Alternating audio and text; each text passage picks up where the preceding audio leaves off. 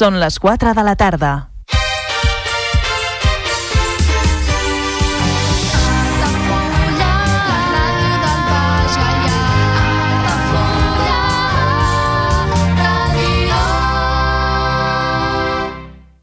Altafulla Ràdio. Serveis informatius.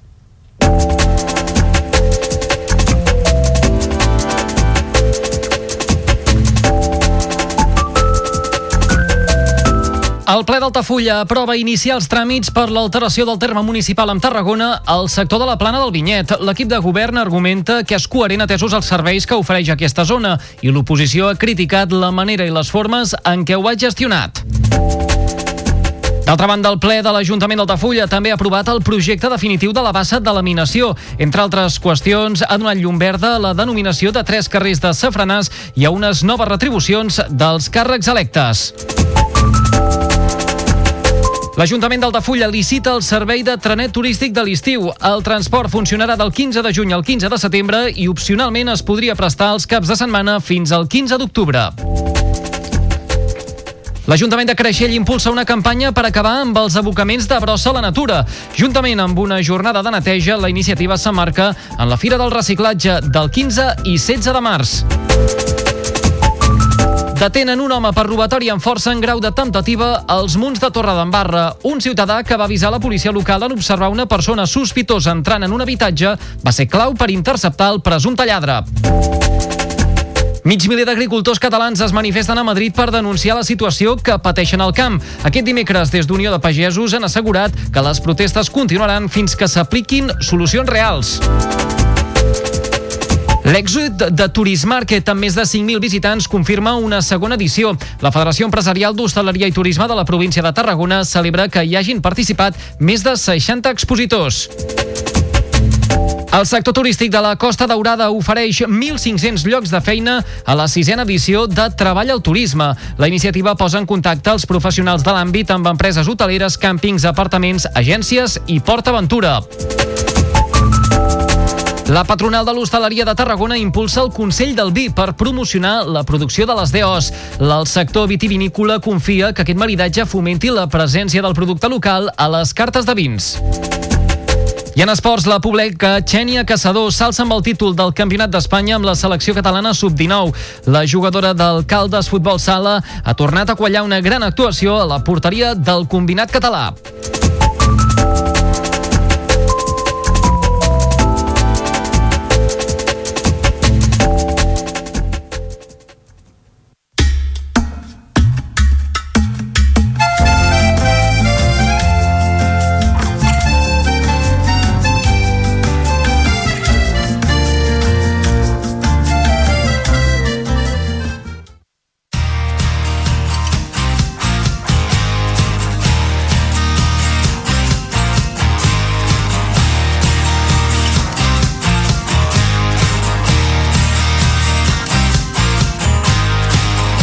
Carrer Major, un programa de ràdio Ciutat de Tarragona, Altafulla Ràdio, Ràdio Montblanc, Ràdio La Selva, Ona La Torre, la nova ràdio de Reus, Ràdio Hospitalet de l'Infant i Baix Camp Ràdio en col·laboració amb la xarxa de comunicació local.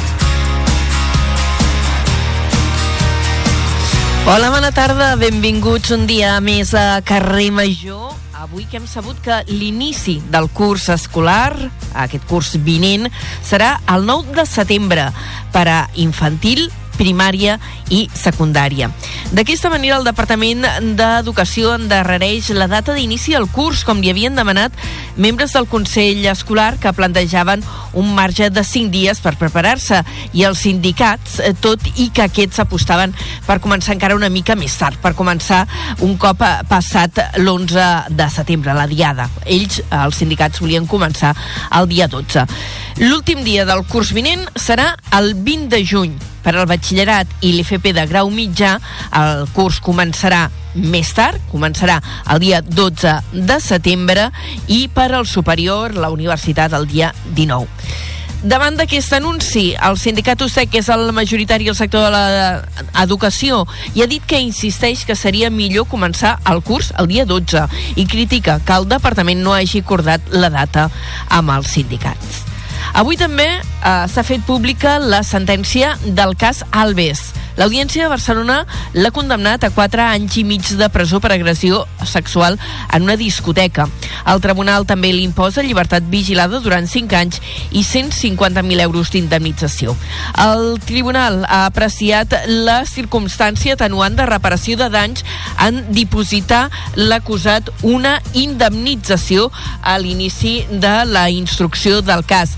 La Fiscalia demanava 9 anys de presó, mentre que l'acusació particular demanava una pena encara més alta, demanava una pena de 12 anys. I en l'àmbit judicial, doncs, eh, encara un capítol més en la telenovela del cas Tsunami. La Fiscalia del Tribunal Suprem conclou que no hi ha indicis per investigar Carles eh, Puigdemont i a Rubén Wagensberg per terrorisme i demana que s'arxivi la causa. El Ministeri Públic afirma que el jutge instructor García Castellón ha fet conjuntura sense base fictícia.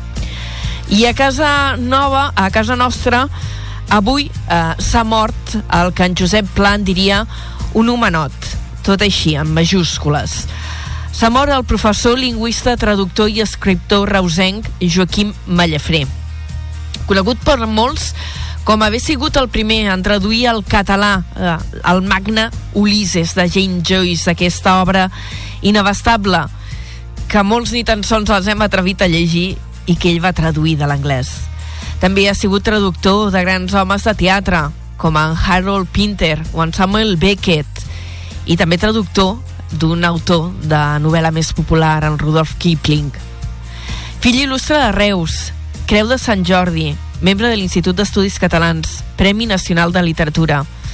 Les xarxes bullen amb missatges d'admiració i de comiat. Avui en parlarem també al programa. Esteu escoltant Carrer Major, el programa que fem 8 emissores del Camp de Tarragona cada dia, plegades, des de les 4 i fins les 6 de la tarda. L'equip el formem l'Iri Rodríguez, l'Aleix Pérez, en David Fernández, la Gemma Bufies, la Cristina Artacho, l'Adrià Requesens, en Jonai González, l'Eduard Virgili, l'Antoni Mellado, Antoni Mateos i jo mateixa, que sóc l'Anna Plaça i us acompanyo al micròfon aquesta primera hora i el Dani Sánchez, que el tenim intentant que tot soni bé. És el nostre tècnic de so. Comencem.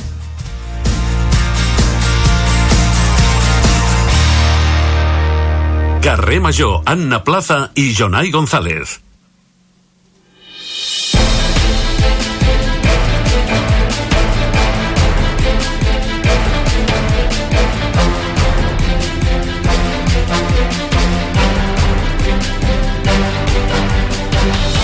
Són les 4 i 7 minuts, és el moment de repassar en forma de titulars les notícies més destacades del dia al nostre territori. Ho fem amb en Jonai González. Jonai, bona tarda.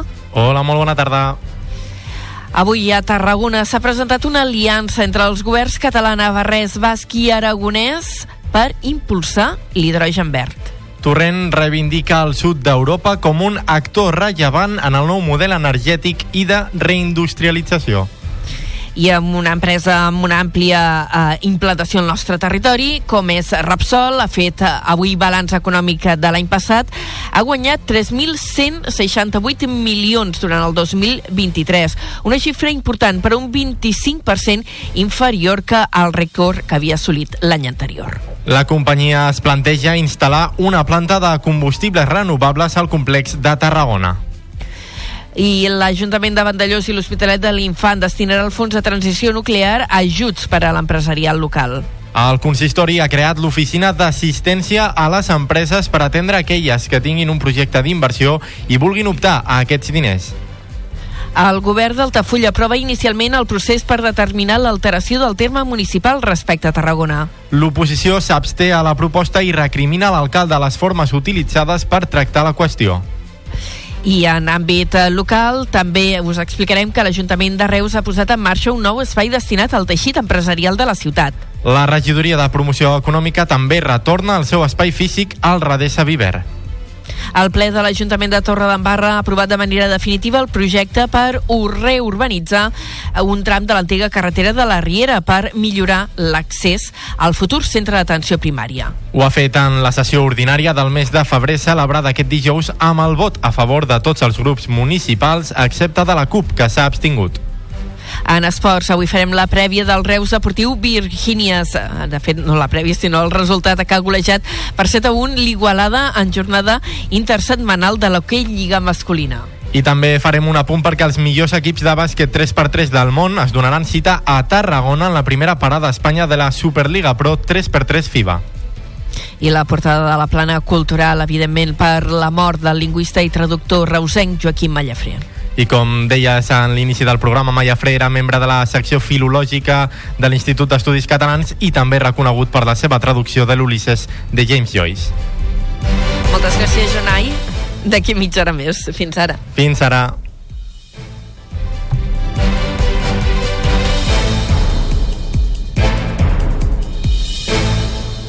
Carrer Major. Toni Mateos.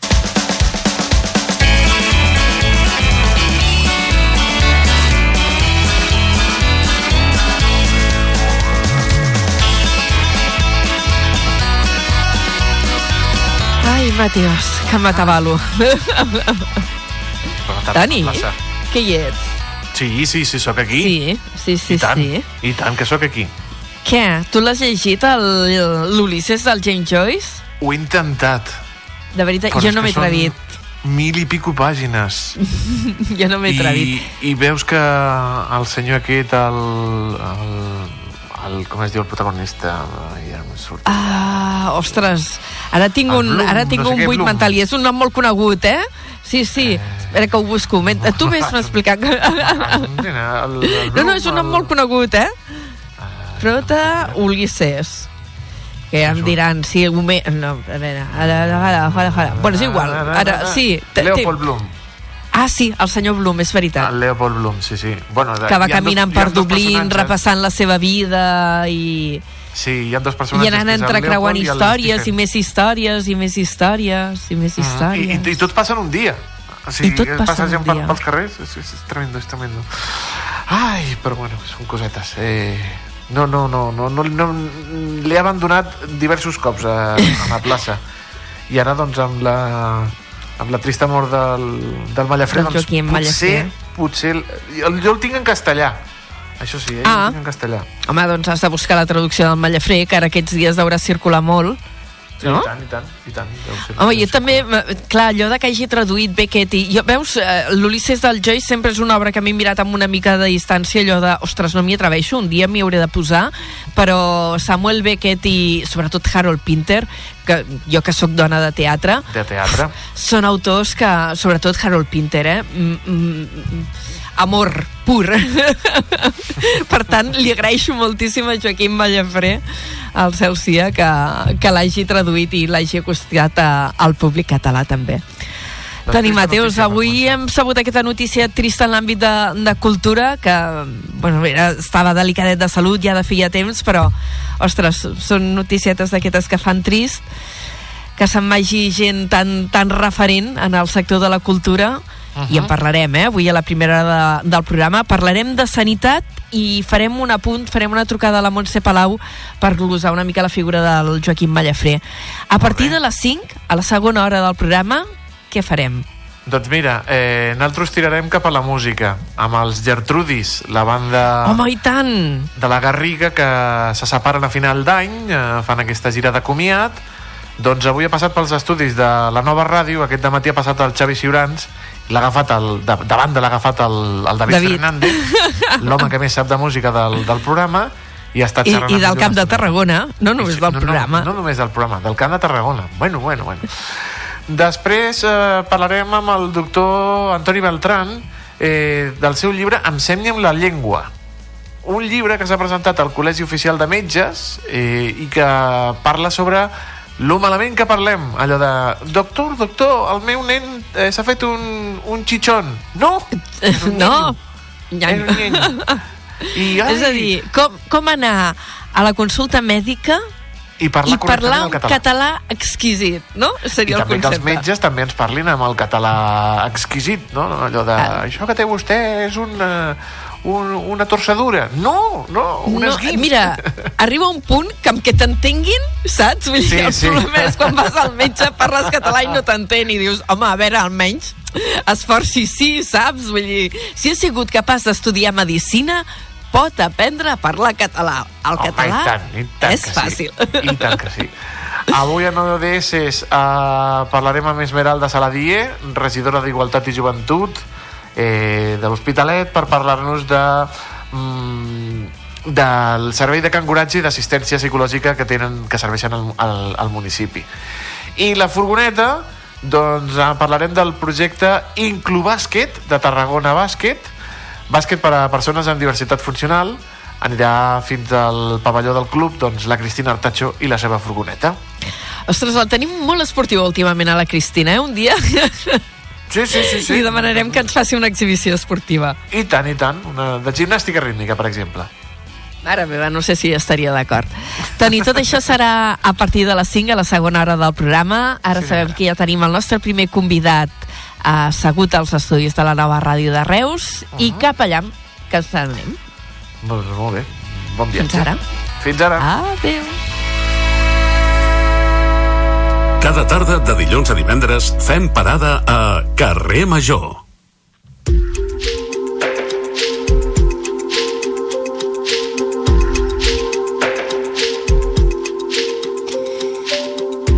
I jo que estic a una a la torre eh, sabia que el nostre convidat ja estava a la nova ràdio de Reus perquè eh, els companys d'allí ens acabaven d'enviar una foto. Avui el nostre primer convidat a Carrer Major, en aquesta primera hora del programa, és l'Òscar Ros, director de sector de la regió sanitària al Camp de Tarragona, amb què tenim ganes de parlar de llistes d'espera, perquè ara fa molt pocs dies van fer públic el balanç de l'any passat. Senyor Ros, moltes gràcies per acompanyar-nos i per haver-se desplaçat fins als estudis de la Nova. Hola, molt bona tarda, és un plaer estar amb vosaltres. Eh? Teníem ganes de repassar una mica aquestes dades eh, perquè ens presenten una certa millora de la situació, almenys és el que vau explicar des del Departament de, de Salut i destacàveu, i ho feia la, la directora, la gerent de, de la regió sanitària del Camp de Tarragona, eh, que els resultats situen l'activitat a nivells previs a la pandèmia sobre, fins i tot, una miqueta per damunt. Estem millorant. Sí, sí, efectivament. Vull dir, no, és, no és que haguem recuperat l'activitat prèvia a la pandèmia, sinó que eh, aquest any 2023 hem assolit eh, nivells de, en quant d'activitat quirúrgica, parlem, no? En quant d'activitat quirúrgica que no havíem assolit mai. O sigui, hem tingut rècord absolut d'intervencions quirúrgiques fetes en, en, en, en el sumatori de tots els centres de la regió, no? De fet, vau passar la data, eh, parlàveu de gairebé, no arribava però faltava poc, 29.000 operacions, intervencions quirúrgiques l'any passat, el que representa un 28% més i una xifra rècord que no s'havia assolit mai abans, com vostè deia ara mateix. A què atribuïu aquest increment? Hi ha més quiròfans, suposo, d'alguna banda? Hi ha més equips? Eh, què ha fet possible aquest increment?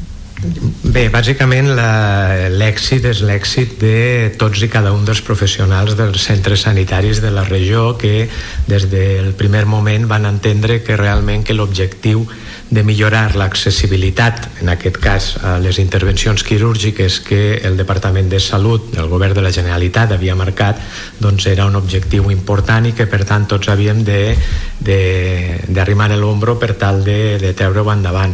Eh, com s'aconsegueix això? Doncs bàsicament fent moltes més intervencions quirúrgiques requereix de molta més gent, de moltes, de moltes més sessions quirúrgiques, de fer funcionar els quiròfans al màxim rendiment des de les 8 del matí fins a les 8 de la tarda i això s'ha aconseguit, ja et dic, amb, el, amb, la, amb la implicació de tots i cada un dels, dels professionals. No? El que han fet amb estar que tots els centres han, augmentat de la manera que han pogut totes les sessions quirúrgiques que, que s'han pogut fer i això ens ha ajudat molt a, evidentment a assolir aquests nivells d'activitat. I el factor humà i el factor tecnològic també hi ha contribuït a, a poder fer més operacions? Sí, bueno, bàsicament també perquè tenen, teniu en compte que una bona part de l'activitat quirúrgica que es fa es fa en cirurgia major ambulatòria cada vegada és, és més, més nombrós el, el nombre de, de procediments que es poden ambulatoritzar d'alguna manera i per tant això permet ser molt més àgils no? Clar, si tu Ah. tens, eh, si tu tens eh, sessions quirúrgiques però tens tots els llits plens i has d'ingressar els malalts no pots, no? Si per contra el que fas és una activitat que és molt, molt ambulatòria sí que et permet fer molta més mm, intervenir a molts més, més ciutadans, no? Quan parleu d'aquesta cirurgia ambulatòria entenc que és l'operació que es fa i el pacient, si no el mateix Marxes dia l'endemà pot tornar dia, a casa. No, no, no l'endemà, el mateix dia. Sí? O sigui, perquè si pernoctes ja es considera una hospitalització convencional, no? Vull dir, ha de ser que eh, ingresses, t'operes i te'n vas a casa a dormir aquell mateix dia. Eh, quin percentatge representen aquest tipus de- d'operacions? Ara li pregunto així la dada, igual no la té a mà, eh? però Pues mira, jo diria que avui en dia deu d'estar al voltant del, entre el, del voltant del 35-40% de l'activitat, depèn dels centres, eh? Perquè hi ha centres, per exemple, com ja que estem aquí a Reus, doncs el Centre Mèdic Quirúrgic Reus, que eh, el 100% de la seva activitat és eh, cirurgia ambulatòria, ja estic parlant de pràcticament 1.500 intervencions, i doncs, en hospitals de eh, més alta tecnologia es redueix una miqueta, però sí, al voltant del 35-40% de l'activitat eh, en general pot ser de ambulatoritzable. Eh? Um, estem parlant d'un canvi de, de, de tendència, senyor Ros, perquè me'n recordo ja fa uns quants anys, um, davant de les llistes d'espera llarguíssimes que hi havia, el Departament de Salut va fixar uns temps d'espera màxims eh, per unes operacions que van passar a dir garanties com són les pròtesis de genoll, les de maluc, les operacions de cataractes, evidentment també el, els temes oncològics, allò que requereixen una operació urgent, eh, i s'ha anat guanyant terreny, no? Aquestes eh, llistes d'espera hem, hem vist com s'han anat eh, reduint, hi ha marge de millora encara, però, oi? Sí, efectivament, marge de millora sempre hi ha. Vull dir, un no, un, jo crec que un no ha d'estar mai content en, en, en la feina que fa i ha d'intentar sempre fer-la fer -la millor. Efectivament, tal com comentes, hi ha una sèrie de procediments que tenen uns terminis de garantia establerts, per exemple, depenent del tipus de, de problema oncològic, doncs hi ha cirurgia oncològica que té una garantia de 45 dies, hi ha uns altres processos oncològics que la tenen de 60, els procediments de cataractes, pròtesis de maluc, pròtesis de genoll i des d'aquest any també la reconstrucció de mamària en el cas d'una mastectomia té un període de garantia de 180 dies i la resta de les intervencions tindrien un període no, ja, ja no parlem de període de garantia parlem de període, una, un temps de referència de 365 dies. Eh, no sempre. 65 dies és un any ja, no? O sigui, Sí, sí, sí, bueno, ja en un any, de garantia que... Sí, sí, és a dir, tu tens una hèrnia inguinal, no és un procediment que sigui urgent i per tant doncs, abans d'un any t'haurien t'haurien d'operar, però bueno, parla de les hèrnies inguinals, doncs, per exemple hi ha centres com l'Hospital Sant Joan de Reus que el, el, termini, el, el període mig d'espera per una hèrnia inguinal estan al voltant també de pràcticament dels procediments de garantia, al voltant de 180 de 180 a 185 dies no? jo el que et deia no sempre ho aconseguim penseu per exemple que nosaltres al desembre la regió sanitària Camp de Tarragona al desembre del 2022 tenia 2.000 malalts fora del termini de garantia cap d'aquests oncològics les, les pacients oncològics el 100% sempre els mantenim dins del, del període de, de garantia eh, però al, al desembre del 2022 teníem 2.000 exactament 2.001 pacients eh, fora de termini de garantia al desembre del 23 ho van deixar en 394 i penseu que molt d'aquests eh, pacients que en aquest moment eh, sobrepassaven el període de garantia eren pacients que havien entrat durant l'any 2023 no? Vull dir que pràcticament que havien fet una, si em permeteu l'expressió, una neteja important de, de la llista d'espera no? i- que, que hi ha contribuït, no? Ara parlàvem de, de tot aquest eh, esforç humà, tecnològic... mm, Ostres, Tam- dir, també- també hem, hi ha- hem guanyat hi ha un- terreny que ha, per, que ha, per, que ha per, permès, no? Vull dir, eh, guanyar tant de, de terreny. Sí, sí, no, efectivament, i, i també ahí està la voluntat del, del, del Servei Català de la Salut, no? com, a, com a braç eh, operatiu del Departament de Salut de eh, pactar uns objectius assolibles amb els, amb els proveïdors i de fer un seguiment molt exhaustiu i acurat mes per mes, jo diria dia a dia durant tot l'any de les situacions de les llistes d'espera per tal de sempre anar corregint les desviacions que observaven en cada un dels proveïdors no? Encara deia que al tancar l'any, però hi havia 400 persones en llista d'espera que no se'ls havia operat dintre del termini, en principi, de garantia. Eh, L'objectiu per enguany, eh, per poder anar reduint encara aquest, eh, com hi fareu front? Eh, amb la mateixa estratègia, és a dir, bàsicament l'objectiu és mantenir el, la, la capacitat de producció de cada un dels centres al seu màxim rendiment i aprofitar tots els recursos que tenim en el territori per lo que un no pugui fer que ho faci un altre. Hi ha desviacions també de pacients eh, o hi ha hagut, hagut d'haver o n'hi haurà derivacions de pacients aquí en d'altres llocs per poder garantir aquests objectius? En lo que es fa referència a lo que diem cartera bàsica de, de, de serveis i, i, i pràcticament la, quan nosaltres quan parlem d'altes quirúrgiques parlem d'unes altes de cirurgia bàsica que seria allò que necessàriament s'ha de resoldre en cada un dels centres un nivell, segon nivell que parlem de referència en el sentit de que hi ha només alguns centres del territori que ho poden fer i després parlem d'un tercer nivell de terciarisme que requereix el que eh, anar, anar, anar a centres que, que, que, que, que en els que només es fa això no? això passa per exemple doncs, aquests pacients que en algun moment determinat sí que s'han de derivar a hospitals de Barcelona pues, a Belvitge, a Vall d'Hebron a l'Hospital Sant Pau aquest, però bàsicament el, el, nosaltres tenim en general una capacitat de resolució en el territori que està al voltant de, no únicament de procediments quirúrgics, és a dir, la regió sanitària de, del camp de, de Camp de Tarragona resol aproximadament el 96% de les necessitats de salut dels ciutadans de la regió sanitària Camp de Tarragona. Senyor Ros, seguim analitzant aquestes dades que vau facilitar l'altre dia des de, des de la Direcció Territorial de, de Sanitat. Um, perquè també a banda d'analitzar o de plantejar aquestes dades pel que fa a intervencions quirúrgiques, eh, que és un dels temes que havia sigut sempre candents pel que fa a llistes d'espera, hi ha el, el tema de l'accés, que també és un allò que se sol dir un temazo, eh? un temacle, sí. eh, d'accés a la primària. He trucat al CAP i no hi ha manera que em donin hora aquest problema encara es dona en certa manera però també ha anat millorant eh, parlàveu, mm, la dada que facilitàveu és que el 70% que és un percentatge força elevat dels usuaris de primària al Camp de Tarragona van ser atesos al metge del CAP en menys de 5 dies Considereu ja òptima aquesta xifra o s'ha d'anar més enllà encara? Aquest va ser l'objectiu que va fixar el Departament de Salut i en principi per al 2024 imagino que tractarem de ser una miqueta més, més, més exigents no?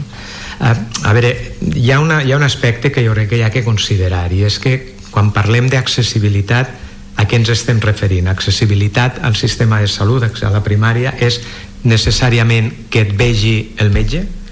O accessibilitat és que si tens una, un problema de salut en el moment adequat i per al professional que es necessita en cada moment siguis atès per ser resolt. Doncs jo crec que si parlem, que evidentment d'alguna manera ho han de mesurar, no? de, tenim, han, de, han de tenir algun indicador per, per saber eh, realment mesurar aquesta eh, accessibilitat, però no únicament accessibilitat és que et vegi el metge. No? Jo crec que eh, si considerem accessibilitat entesa d'aquesta manera, no? de que quan tens un problema algun professional, sigui el que sigui del, del, del sistema de salut és capaç de donar-te resposta i estem donant accessibilitat no?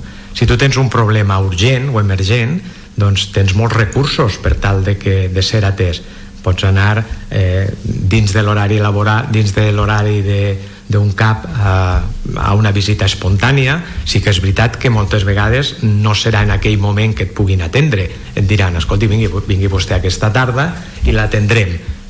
Clar, si nosaltres considerem no, és que accessibilitat és que jo vull anar ara al metge i que m'atengui ara. No, això mm, segurament no podrà ser si és fora de l'horari doncs tens els punts d'atenció continuada que en tenim molts de, de més de, 20, de 24 hores i tenim els, els, els CUAPs els centres d'urgències d'atenció primària tenim també els serveis d'urgències hospitalàries i tenim el 061 que pot resoldre molts, molts, molts dubtes i molts, i molts problemes de salut no? això és accessibilitat també si el problema que tens és que eh, necessites que t'han caducat algo de la recepta i, ostres, pel que sigui no d'una manera proactiva no te l'han renovat eh, a través del canal de la meva salut pots contactar fàcilment amb el, amb el teu equip i el, el, en 48 hores o menys tindràs resposta del teu equip. Només dient necessito que en renoveu la recepta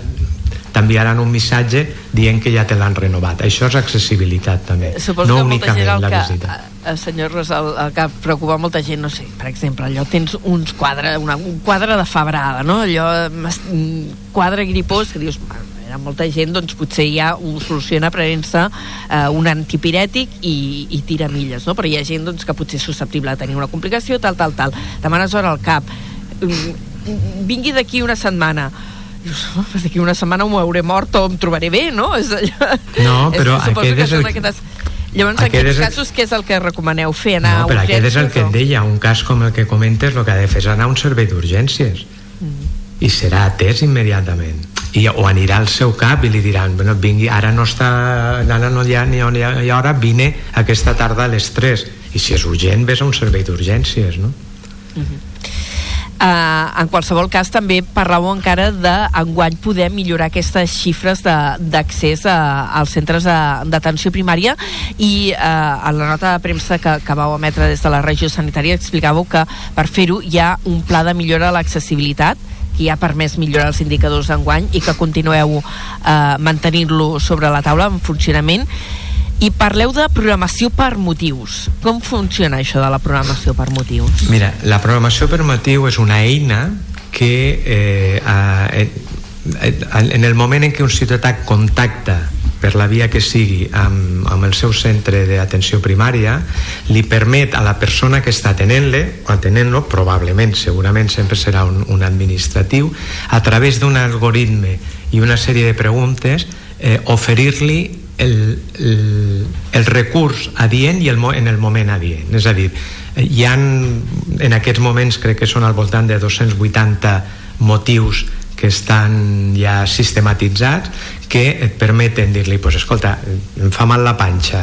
eh, com em fa mal la panxa és continuo és, no sé, i, i llavors va portant-te o bé per donar-te una visita amb la infermera o bé per donar-te una visita amb el metge o bé dir, dir escolta, vostè el que ha de fer és anar a un servei d'urgències no? llavors això li permet al, al, a l'administratiu que està programant la, la, o que està atenent i agafant el, el, el missatge del, del, està, li permet programar la visita adequada en el moment, en el moment oportú Estem parlant d'una mena de sistema de cribatges, no? Com el que podria haver en un servei d'urgències. i ja dic, en aquest moment tenim al voltant de 280 eh, ja motius que permeten arribar al punt aquest que la primera versió només permetia donar, doncs mira, acabaves i et deia doncs demà o demà passat visita a les 5 amb el teu metge i, no ten... i ara no, ara el que et fa ja donar-te un ventall doncs, no, és que demà a les 5 no puc bueno, pues, pues a les 8 no? o a l'hora que sigui no? Senyor Ros, eh, no tenim gaire més temps, però permeti'm que li introdueixi un parell de, de temes més que han sigut actualitats en l'àmbit sanitari en els darrers dies. Eh, D'una banda és que, mm, si no recordo malament, va ser divendres passat, ara no recordo exactament la data que va venir el conseller Balcells, eh, perquè es va inaugurar l'ampliació del CAP de Torrefort. Entenc que una inversió important i, i que permet atendre també necessitats d'atenció sanitària d'un segment important de la població de la zona de Ponent de Tarragona. Sí, sí, efectivament, vam tenir la, la, l'honor de que vingués a inaugurar-ho i, i no, diguem que el que va inaugurar no està acabat del tot perquè encara quedarà una tercera planta que... no pot- no, vull dir, Hem, és si una... inaugurem una part, encara queda una part. Sí, però, no, però queda una part perquè el que s'ha fet és que s'ha quedat un, un espai de reserva en previsió de, de futures ampliacions i que ja no tinguem que, que córrer a fer-la, sinó que ja estigui feta. No? Sí, això ha permès, evidentment, esponjar molt eh, el- l'espai dins del, del CAP i poder millorar la- l'atenció la, perquè bàsicament una part important derivada de la incorporació de tots aquests nous rols que s'han incorporat a la primària en els últims anys, els nutricionistes, fisioterapeutes, eh, referents de benestar emocional, que evidentment tenien caps de, dissenyats fa molts anys i que enca- no, no teníem previst la incorporació de, tant, de tanta gent no? i efectivament és una millora important per a, per a l'àrea i estem molt satisfets d'ella sí. I ara ha parlat de benestar emocional i això em permet eh, introduir-li l'últim tema que volíem tractar perquè eh, fa pocs dies també es presentava aquí al territori la campanya de prevenció del suïcidi que s'està fent a nivell de Catalunya amb la instal·lació d'aquests grans vinils punts negres al terra fent una crida eh, si veieu algú que eh, sospiteu que pot tenir ideacions suïcides estigueu-hi al damunt, truqueu al 061 Um, com tenim tot el tema d'atenció al benestar emocional i ara vostè mateix ho deia. Eh, bueno, és, és, és un tema que preocupa. La salut mental eh, sempre ha estat una, una prioritat per al Departament de Salut però malauradament eh, des de la pandèmia doncs hem, hem vingut objectivant un increment significatiu de, de, de, de, de, la, de la patologia referida a salut mental. I en concret en el, el que fa referència a, a, al suïcidi que moltes vegades és simplement intent o ideació però que s'ha de tractar de la mateixa, en la mateixa profunditat i en la mateixa insistència. Eh, com vam, us van comunicar en la roda, en, en la nota de premsa, s'ha incrementat, sobretot en l'any 2021 i 2022 va ser els anys que, que més casos, comptant ideacions i casos consumats, eh, el que serien en llenguatge més, més casolà el que seria l'intent i, el, i el suïcidi real però bueno, estem amb prop, prop de 300 casos cada, cada any eh, al territori i això ens preocupa. Llavors era, ha estat una manera d'intentar conscienciar a, a, a la població i sobretot pues, a les famílies de, de, les, de les persones que en algun moment poden mostrar algun signe o algun símptoma de que puguin tenir algun problema doncs que, que, que se'n cuiden tal com has comentat, que es posin en contacte amb el sistema de salut perquè en aquest cas és molt important la prevenció i la prevenció en aquest cas és diagnosticar ràpidament tot allò que, que ens pot apuntar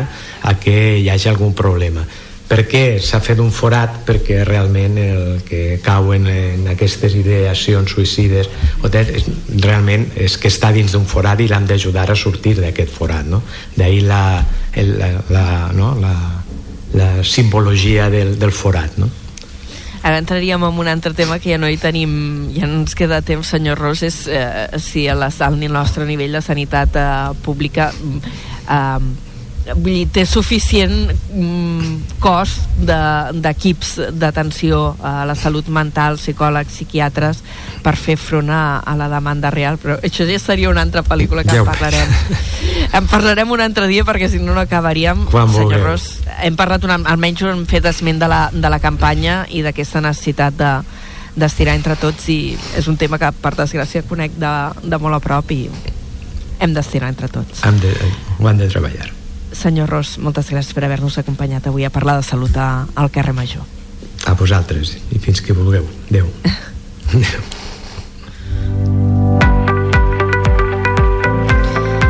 I avui són les 4 i 37 minuts i ho hem dit en començar el programa. Eh, volíem fer esment també a sumar-nos a les mostres de dol per la mort de, del Joaquim Mallafré, traductor, escriptor, filòleg, lingüista, persona de referència en el marc eh, cultural del nostre territori eh, i li hem demanat a la Montserrat Palau, professora del Departament de Filologia Catalana de la Universitat Rovira i Virgili, si ens podia res acompanyar uns minutets eh, per glosar la seva figura.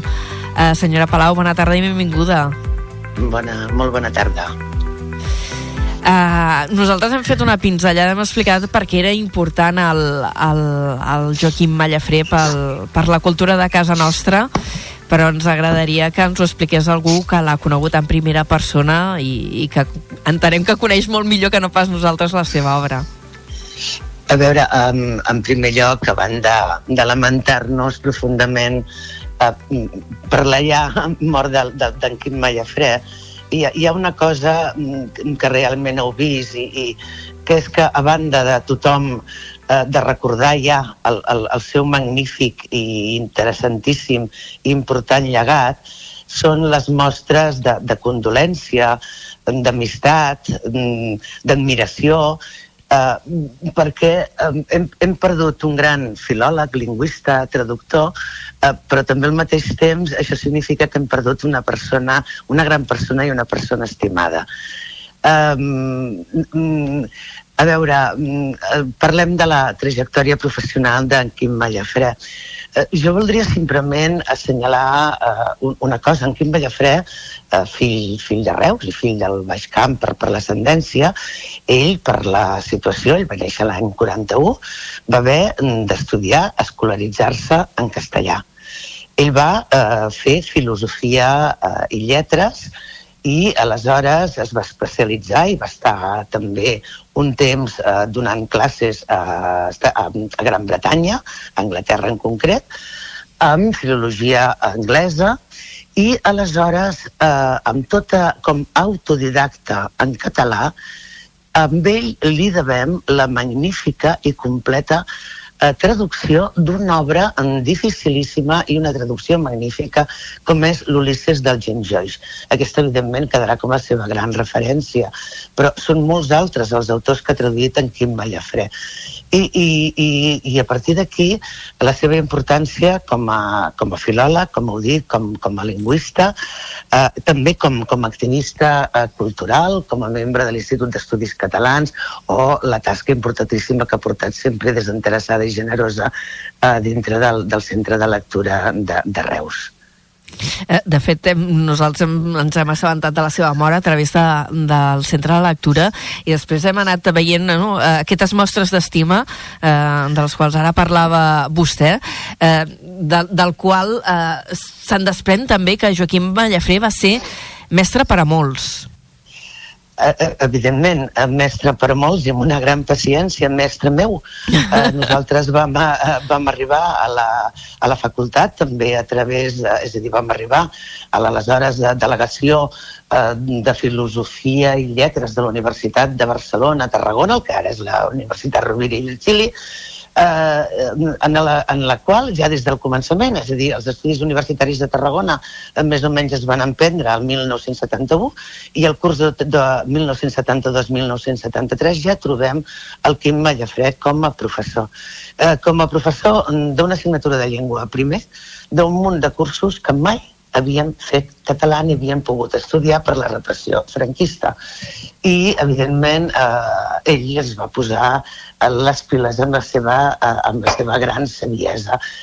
Mostres de, de, de generositat i de reconeixement perquè no hem d'oblidar tampoc la, la, la, part, eh, la part personal, el, els seus lligams, el seu activisme que dèiem abans. Era una persona generosa, era una persona vitalista, eh, era una persona amb un gran sentit de l'humor, també amb la seva mala llet, evidentment, eh, però era eh, càlid eh, i, a més a més, eh, un home savi.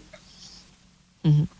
Li agraïm molt a la Montserrat Palau que ens hagi atès res, aquests minutets per poder glosar una miqueta la, la figura eh, d'en Joaquim Mallafré, que ha mort avui a Reus als eh, 82, 83, ara no recordo l'edat. 80, eh, 83 anys i, i, i, i llegim 83. les seves traduccions, sí, sí, sí per, doncs això perdurarà a, a través de la, de la seva obra, de, de tots aquests autors que ens ha fet arribar eh, autors de referència que ens han fet arribar en català i li agraïm molt a vostè també que ens hagi eh, acompanyat avui per, per poder-li retre aquest petit homenatge. Moltes gràcies a tots vosaltres i sempre en el record aquest, eh, que heu tingut també per tot aquest llegat importantíssim com a persona i, i, i com a intel·lectual d'en Quim Mallafré. Gràcies. Moltíssimes gràcies, Montserrat. Tot el que passa al Camp de Tarragona t'ho expliquem a Carrer Major. Amb una cosa i una altra ens posem a fer les notícies una miqueta més tard del que és habitual. Falten dos minuts per tres quarts de cinc de la tarda i l'actualitat avui es presenta densa. D'una banda, eh, per l'acord, per la coordinació, l'aliança interterritorial que s'ha presentat avui a Tarragona entre els governs català, navarrès, basc i aragonès per impulsar l'hidrogen verd. Eh, Jonai González, bona tarda de nou. Molt bona tarda de nou. Roger Torrent reivindica el sud d'Europa com un actor rellevant en el nou model energètic i de reindustrialització. En té més detalls des de Ràdio Ciutat de Tarragona, l'Adrià Tella. Poder avançar en el procés de descarbonització de la indústria a través de l'hidrogen verd passa per la col·laboració interterritorial. Així ho han defensat aquest dijous representants dels governs de Catalunya, Aragó, Navarra i el País Basc en el marc del segon fòrum del corredor de l'hidrogen de l'Ebre que ha tingut lloc al port de Tarragona. Roger Torrent, conseller d'Empresa i Treball de la Generalitat, ha deixat clar que unir esforços és una acció fonamental per ser competitius i poder assolir objectius. Torrent ha reivindicat la zona del sud d'Europa com un actor cada vegada més rellevant en el nou model energètic a escala escala europea i global per les característiques geogràfiques, climàtiques i per les possibilitats logístiques. Desde un punto de vista geográfico, no hace falta comentarlo, también desde un punto de vista de las posibilidades logísticas y en este nuevo contexto también por nuestra, nuestras condiciones climáticas. Todo ello, sumado, hace que hoy el sur de Europa que nosotros representamos sea cada vez más un actor más relevante en el nuevo modelo energético a nivel europeo y global, pero también de la reindustrialización uh, europea. Torrent ha volgut deixar clar que en altres tecnologies de descarbonització potser s'hi arriba ja tard, però en l'hidrogen verd no és el cas. El fòrum ha defensat també com un factor clau per assolir la transformació industrial la col·laboració público-privada, que serà la que acabarà fent tirar endavant alguns dels molts projectes plantejats, sempre amb l'hidrogen verd com a vector. De fet, aquest fòrum ha comptat també amb la presència del Consorci d'Empreses Shine, format per 33 entitats del sector. Més eh, qüestions relacionades amb la indústria. Repsol ha guanyat 3.100 milions d'euros durant el 2023, un 25% menys que el rècord que havia aconseguit l'any eh, anterior. Tot i retallar beneficis, l'empresa ha anunciat que augmentarà al voltant d'un 30% el dividend per aquest 2024. Aquest dijous, Repsol també ha presentat l'actualització del pla estratègic per al període 2024-2027 que preveu invertir entre 5.000 i 7.000 milions d'euros. Entre els projectes, destaca que a Catalunya es planteja instal·lar una planta de combustibles renovables al complex de Tarragona. A la planta catalana també es contempla una ecoplanta que permetria transformar residus sòlids en biocombustibles avançats i també noves iniciatives baixes en carboni. L'actualització del pla estratègic de Repsol s'ha presentat després que al mes de desembre el govern espanyol aprovés modificar l'impost a les energètiques per afavorir les inversions en renovables. El pla estratègic també recorda que a Tarragona es preveu posar en marxa un electrolitzador per a la producció d'hidrogen. El complex industrial dona feina a 1.400 persones de manera directa i 1.700 de manera indirecta. L'Ajuntament de Vandellós i l'Hospital de l'Infant destinarà el fons de transició nuclear a ajuts per a l'empresarial local. El consistori ha creat l'oficina d'assistència a les empreses per atendre aquelles que tinguin un projecte d'inversió i vulguin optar a aquests diners. Ens ho explica des de Ràdio L'Hospitalet, Liri Rodríguez. L'Ajuntament de Vandellós i l'Hospitalet de l'Infant destinarà els primers euros que ha rebut del Fons de Transició Nuclear principalment a les empreses locals. Ferran Conejo és el regidor de Promoció Econòmica. Nosaltres sempre treballem amb el marc de que el 2035 ara mateix és la data prevista perquè la central nuclear de Vandellós 2 tanqui. Això, evidentment, suposaria un impacte econòmic a la, al municipi molt important. Per tant, hem de començar a preparar el territori per a aquest tancament i la manera que trobem que és més oportuna és doncs, que els empresaris i els polígons industrials i totes les empreses que, que, que estiguin al municipi pues, siguin capdavanteres. Amb la finalitat d'acompanyar i atendre les empreses que tinguin un projecte d'inversió i vulguin optar a les subvencions municipals i a les línies d'ajuts del Fons de Transició Nuclear que obrirà el govern de la Generalitat, l'Ajuntament ha creat l'Oficina d'Assistència a les Empreses. Hem obert eh, l'informatiu parlant de notícies d'interès econòmic, però en plana política, avui el ple d'Altafulla ha aprovat començar els tràmits per alterar els termes del límit municipal eh, d'Altafulla amb Tarragona, guanyant espai a la plana del Vinyet. L'equip de govern argumenta que és coherent atesos als serveis que ofereix aquesta zona i l'oposició critica la manera i les formes amb què ho ha gestionat. Ens n'amplia la informació des d'Altafulla Ràdio, l'Eduard Virgili. El ple extraordinari d'Altafulla d'aquest dijous al migdia ha aprovat la proposta inicial per alterar el terme municipal entre Altafulla i Tarragona a la plana del Vinyet. La mesura ha comptat amb els vots a favor de l'equip de govern i l'abstenció de l'oposició. El qual alcalde Jordi Molinera ha explicat que per proximitat geogràfica l'Ajuntament ofereix serveis en aquesta zona d'unes 70 hectàrees que pertany a Tarragona i, conscient del desacord del consistori tarragoní, ha demanat el suport del plenari. Allò que l'any 50-51 es aprovà, aquest amarit en la seva totalitat, passés a formar part del terme municipal de de Tarragona.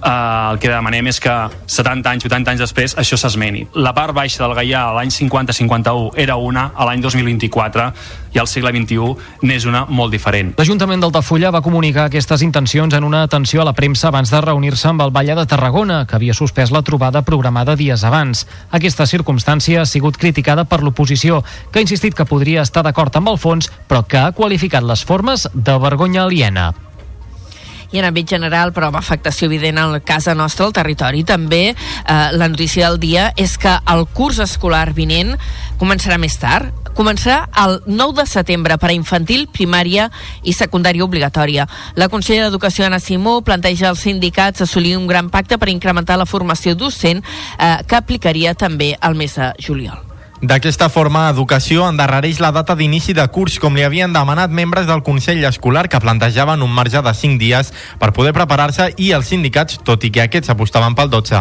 Precisament, el departament havia posat com a condició que el primer dia fos abans de la diada. L'últim dia serà el 20 de juny per a batxillerat i FP de grau mitjà, el primer dia serà el 12 i per a la superior el 19. La consellera d'Educació, Anna Simó, assegura que aquesta decisió és resultat d'haver escoltat la comunitat educativa educativa. I de forma molt majoritària, tots ells, a banda de les direccions eh, amb qui he parlat de centres, m'han demanat de poder disposar d'almenys 5 dies laborables, de 5 dies laborables, per preparar el curs escolar i m'he mostrat disposada a acceptar aquesta petició i així els ho he traslladat perquè entenc que és compatible amb mantenir l'inici de curs abans de la diada. El sindicat Ustec insisteix que seria millor començar el curs al 12 i critica que Educació no hagi acordat la data amb els sindicats. I ens hem de fer ressò també d'un accident de trànsit mortal. Un motorista ha perdut la vida en xocar amb un port senglar a la carretera local TV-3141 al terme de Riudoms. Els fets van passar ahir a la nit.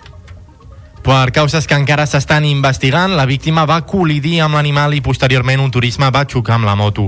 Fruit del succés, el conductor de la motocicleta va perdre la vida. Els dos ocupants del cotxe van resultar il·lesos. Un total de 18 persones han perdut la vida en sinistres de trànsit a la xarxa viària interurbana de Catalunya aquest any.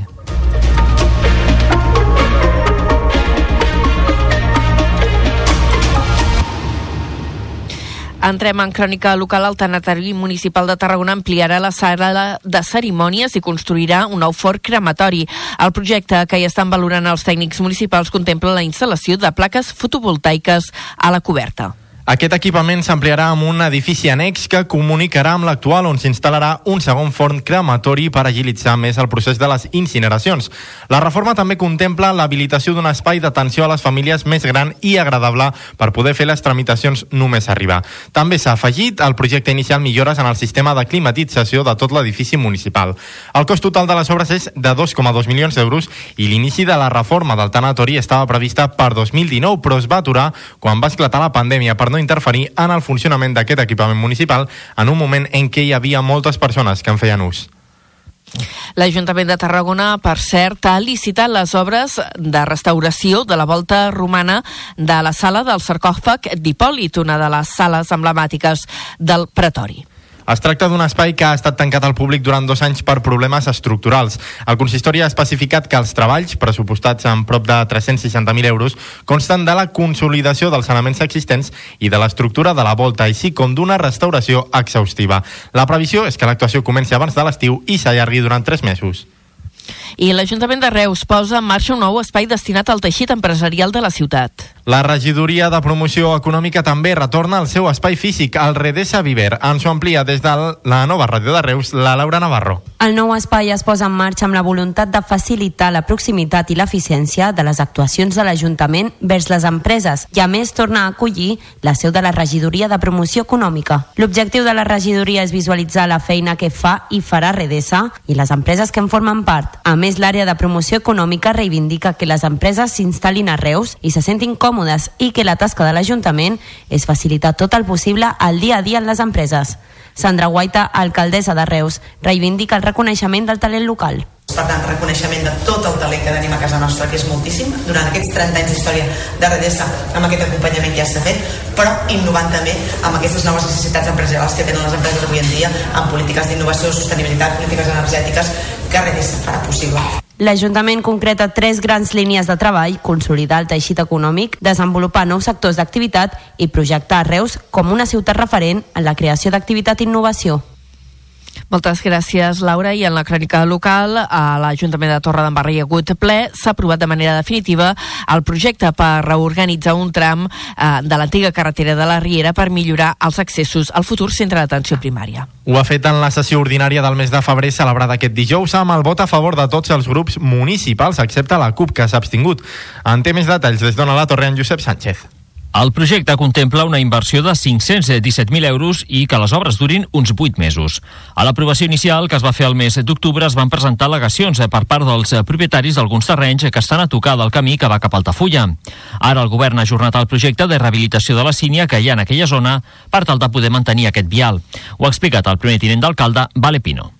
Entenem, doncs, que traient el projecte de recuperació de la sínia, el qual no està redactat ni exposat i que té més que un bàsic i encara va faltant la catalogació de SIL i deixant l'accés la, del camí T214 es pot donar per solucionat per ara la, la reclamació que feien els, els propietaris de les finques.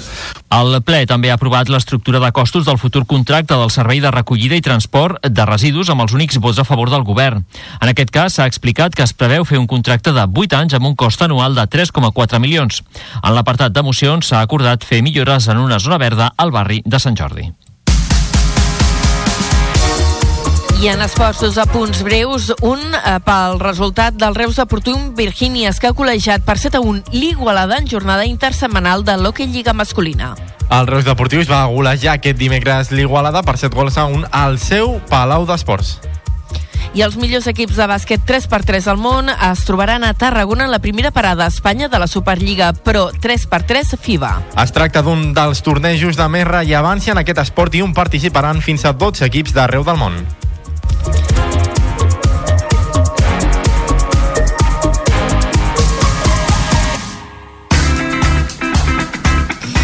Tancarem la primera hora del programa eh, fent un record al lingüista i traductor reusenc Joaquim Mallafré, que avui ha mort als 82 anys d'edat.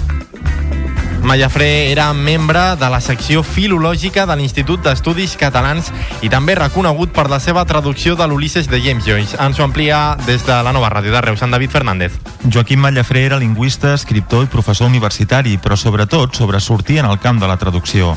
Va destacar per les seves traduccions d'autors com James Joyce, Harold Pinter o Samuel Beckett. L'any 1982, la Generalitat li va concedir el títol a millor traductor per la traducció de l'Ulisses, obra amb la que va obtenir popularitat i que també li va valer el Premi Crítica Serra d'Or el mateix any. El seu treball amb l'Ulisses va desencadenar el llibre Llengua de tribu i llengua de polis, bases d'una traducció literària, amb què guanyà el Premi Nacional de Literatura Catalana l'any 1983.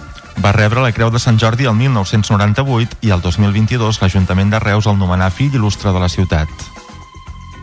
Moltes gràcies, David. Per cert, sapigueu que avui comença el cicle de muntanya, tots els aficionats a l'alpinisme, a l'Auditori de la Diputació. Tanquem la primera hora.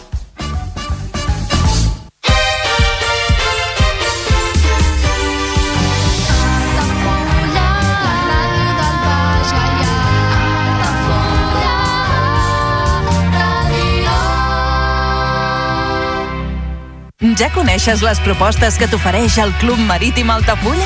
Vine i descobreix totes les nostres activitats. Sortides en caiac o pa del surf, cursos de vela per a totes les edats.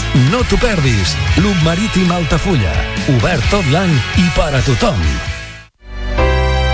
Comunions 2024. Dates ja disponibles amb sales privades, jardí, pàrquing privat i la millor gastronomia. Més informació i reserves al 977 65 11 55 i a comercial arroba altafullamarotel.com o al web altafullamarotel.com. Les teves celebracions familiars a l'Altafulla Mar Hotel.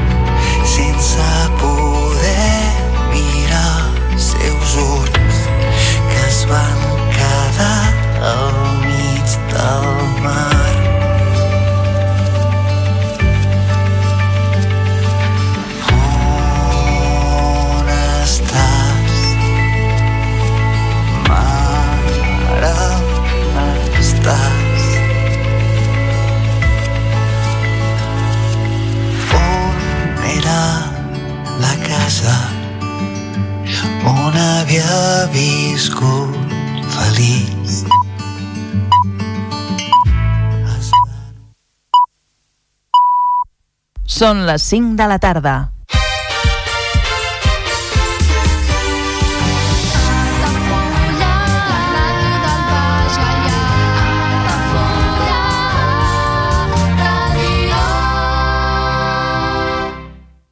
Altafulla Ràdio.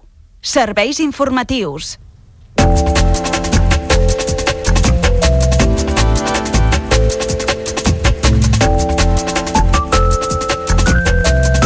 El ple d'Altafulla aprova iniciar els tràmits per l'alteració del terme municipal amb Tarragona al sector de la plana del Vinyet. L'equip de govern argumenta que és coherent atesos els serveis que ofereix aquesta zona i l'oposició ha criticat la manera i les formes en què ho ha gestionat.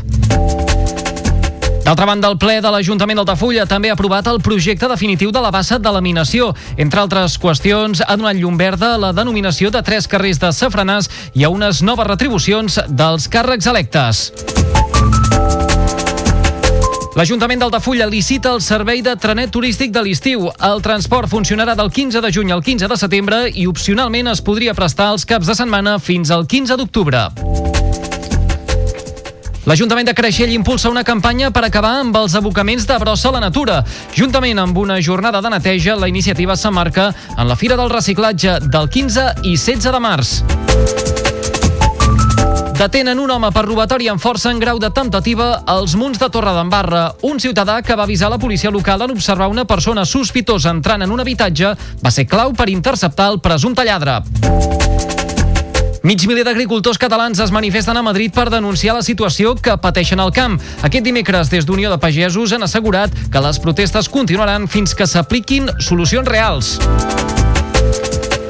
L'èxit de Turismarket amb més de 5.000 visitants confirma una segona edició. La Federació Empresarial d'Hostaleria i Turisme de la província de Tarragona celebra que hi hagin participat més de 60 expositors. El sector turístic de la Costa Daurada ofereix 1.500 llocs de feina a la sisena edició de Treball al Turisme. La iniciativa posa en contacte els professionals de l'àmbit amb empreses hoteleres, càmpings, apartaments, agències i Port Aventura. La patronal de l'hostaleria de Tarragona impulsa el Consell del Vi per promocionar la producció de les DOs. El sector vitivinícola confia que aquest maridatge fomenti la presència del producte local a les cartes de vins. I en esports, la pobleca Xènia Caçador s'alça amb el títol del Campionat d'Espanya amb la selecció catalana sub-19. La jugadora del Caldes Futbol Sala ha tornat a quallar una gran actuació a la porteria del combinat català.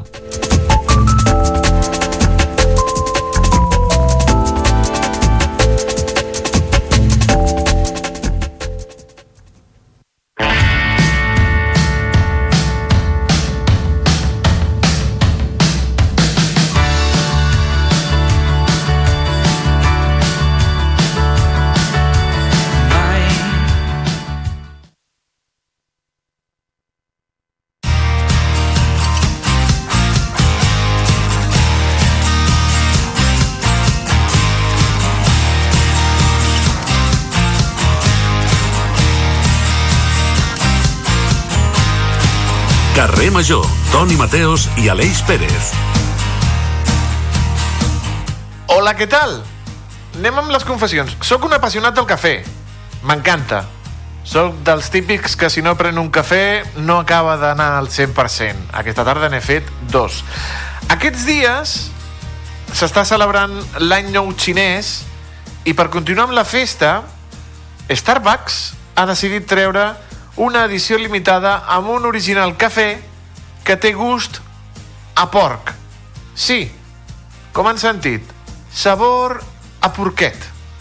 Aquesta nova beguda llançada únicament a la Xina, el nom oficial de la qual en anglès és Lucky Savory Late, que vindria a ser com un latte salat de la sort, s'elabora a base de salsa de porc dongpo, cafè express, llet al vapor, un núvol extra de salsa barbacoa i es corona amb una llàmina de bacon.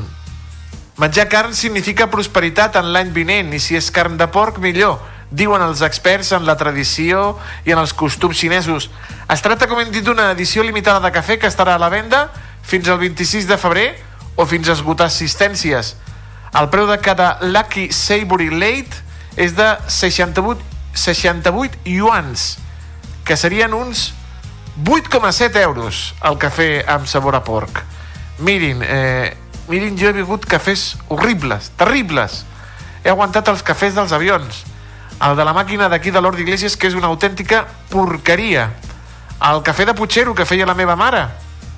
Però cafè amb gust de porc, eh, per aquí no passo, amics meus. Hi havia un acudit que deia a què venimos, a roles o a setes? Doncs el mateix. A què anem? A cafè o a porcs?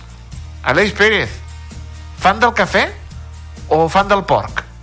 Bona tarda, Toni Mateos. M'agrada el cafè, no m'agrada tant el porc i junts ja et dic jo que no ho penso provar ni de broma.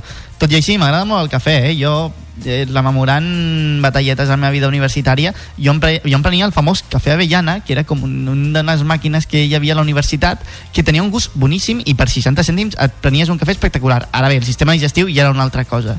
I clar, jo després de, de graduar-me i de no anar a la uni, jo preocupat, preocupat, preocupat fins que mon pare un dia va portar unes capsuletes de Nespresso amb gust aquell cafè avellana. I oh. et prometo, Toni Mateos, que em fa feliç comprar un Nespresso, entre cometes, més car perquè tingui gust a una cosa que tenia el mateix sabor a una màquina de la universitat. Ojo, eh? Qui, qui, qui, I, i, i te'n recordes d'aquells temps, no? De, els temps, temps Fa molt, fa molt. universitaris.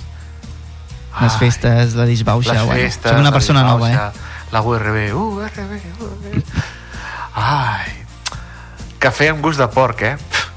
I amb bacon al final. Aquests xinesos. Aquesta gent de l'Starbucks són més raros.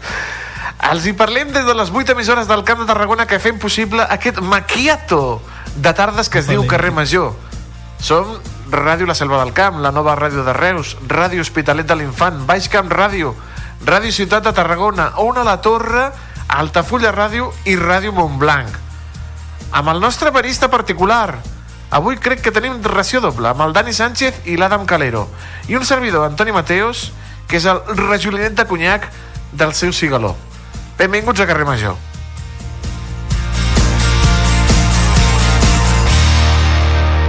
Carrer Major, la proximitat del Camp de Tarragona. Aquest dematí heu rebut visita a la nova, no, eh, Aleix? I tant, i tant, jo estava ja treballant i he aixecat el cap i he dit, ostres, eh, això no m'ho esperava. Doncs sí, els han visitat a la nova ràdio aquest matí el líder de Gertrudis, la banda que ha anunciat que es retiren a finals d'aquest 2024 després d'un munt d'anys portant la rumba i la festa per diferents escenaris. El David Fernández ha xerrat una estoneta amb el Xavi Ciurans, líder de Gertrudis, i aquest és el resultat.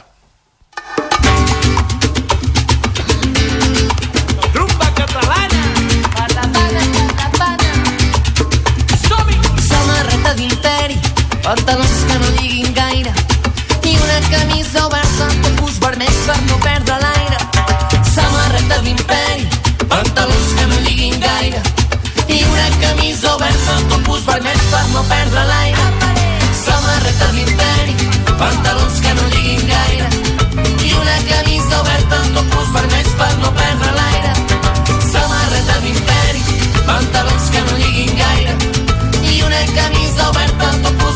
per no perdre l'aire.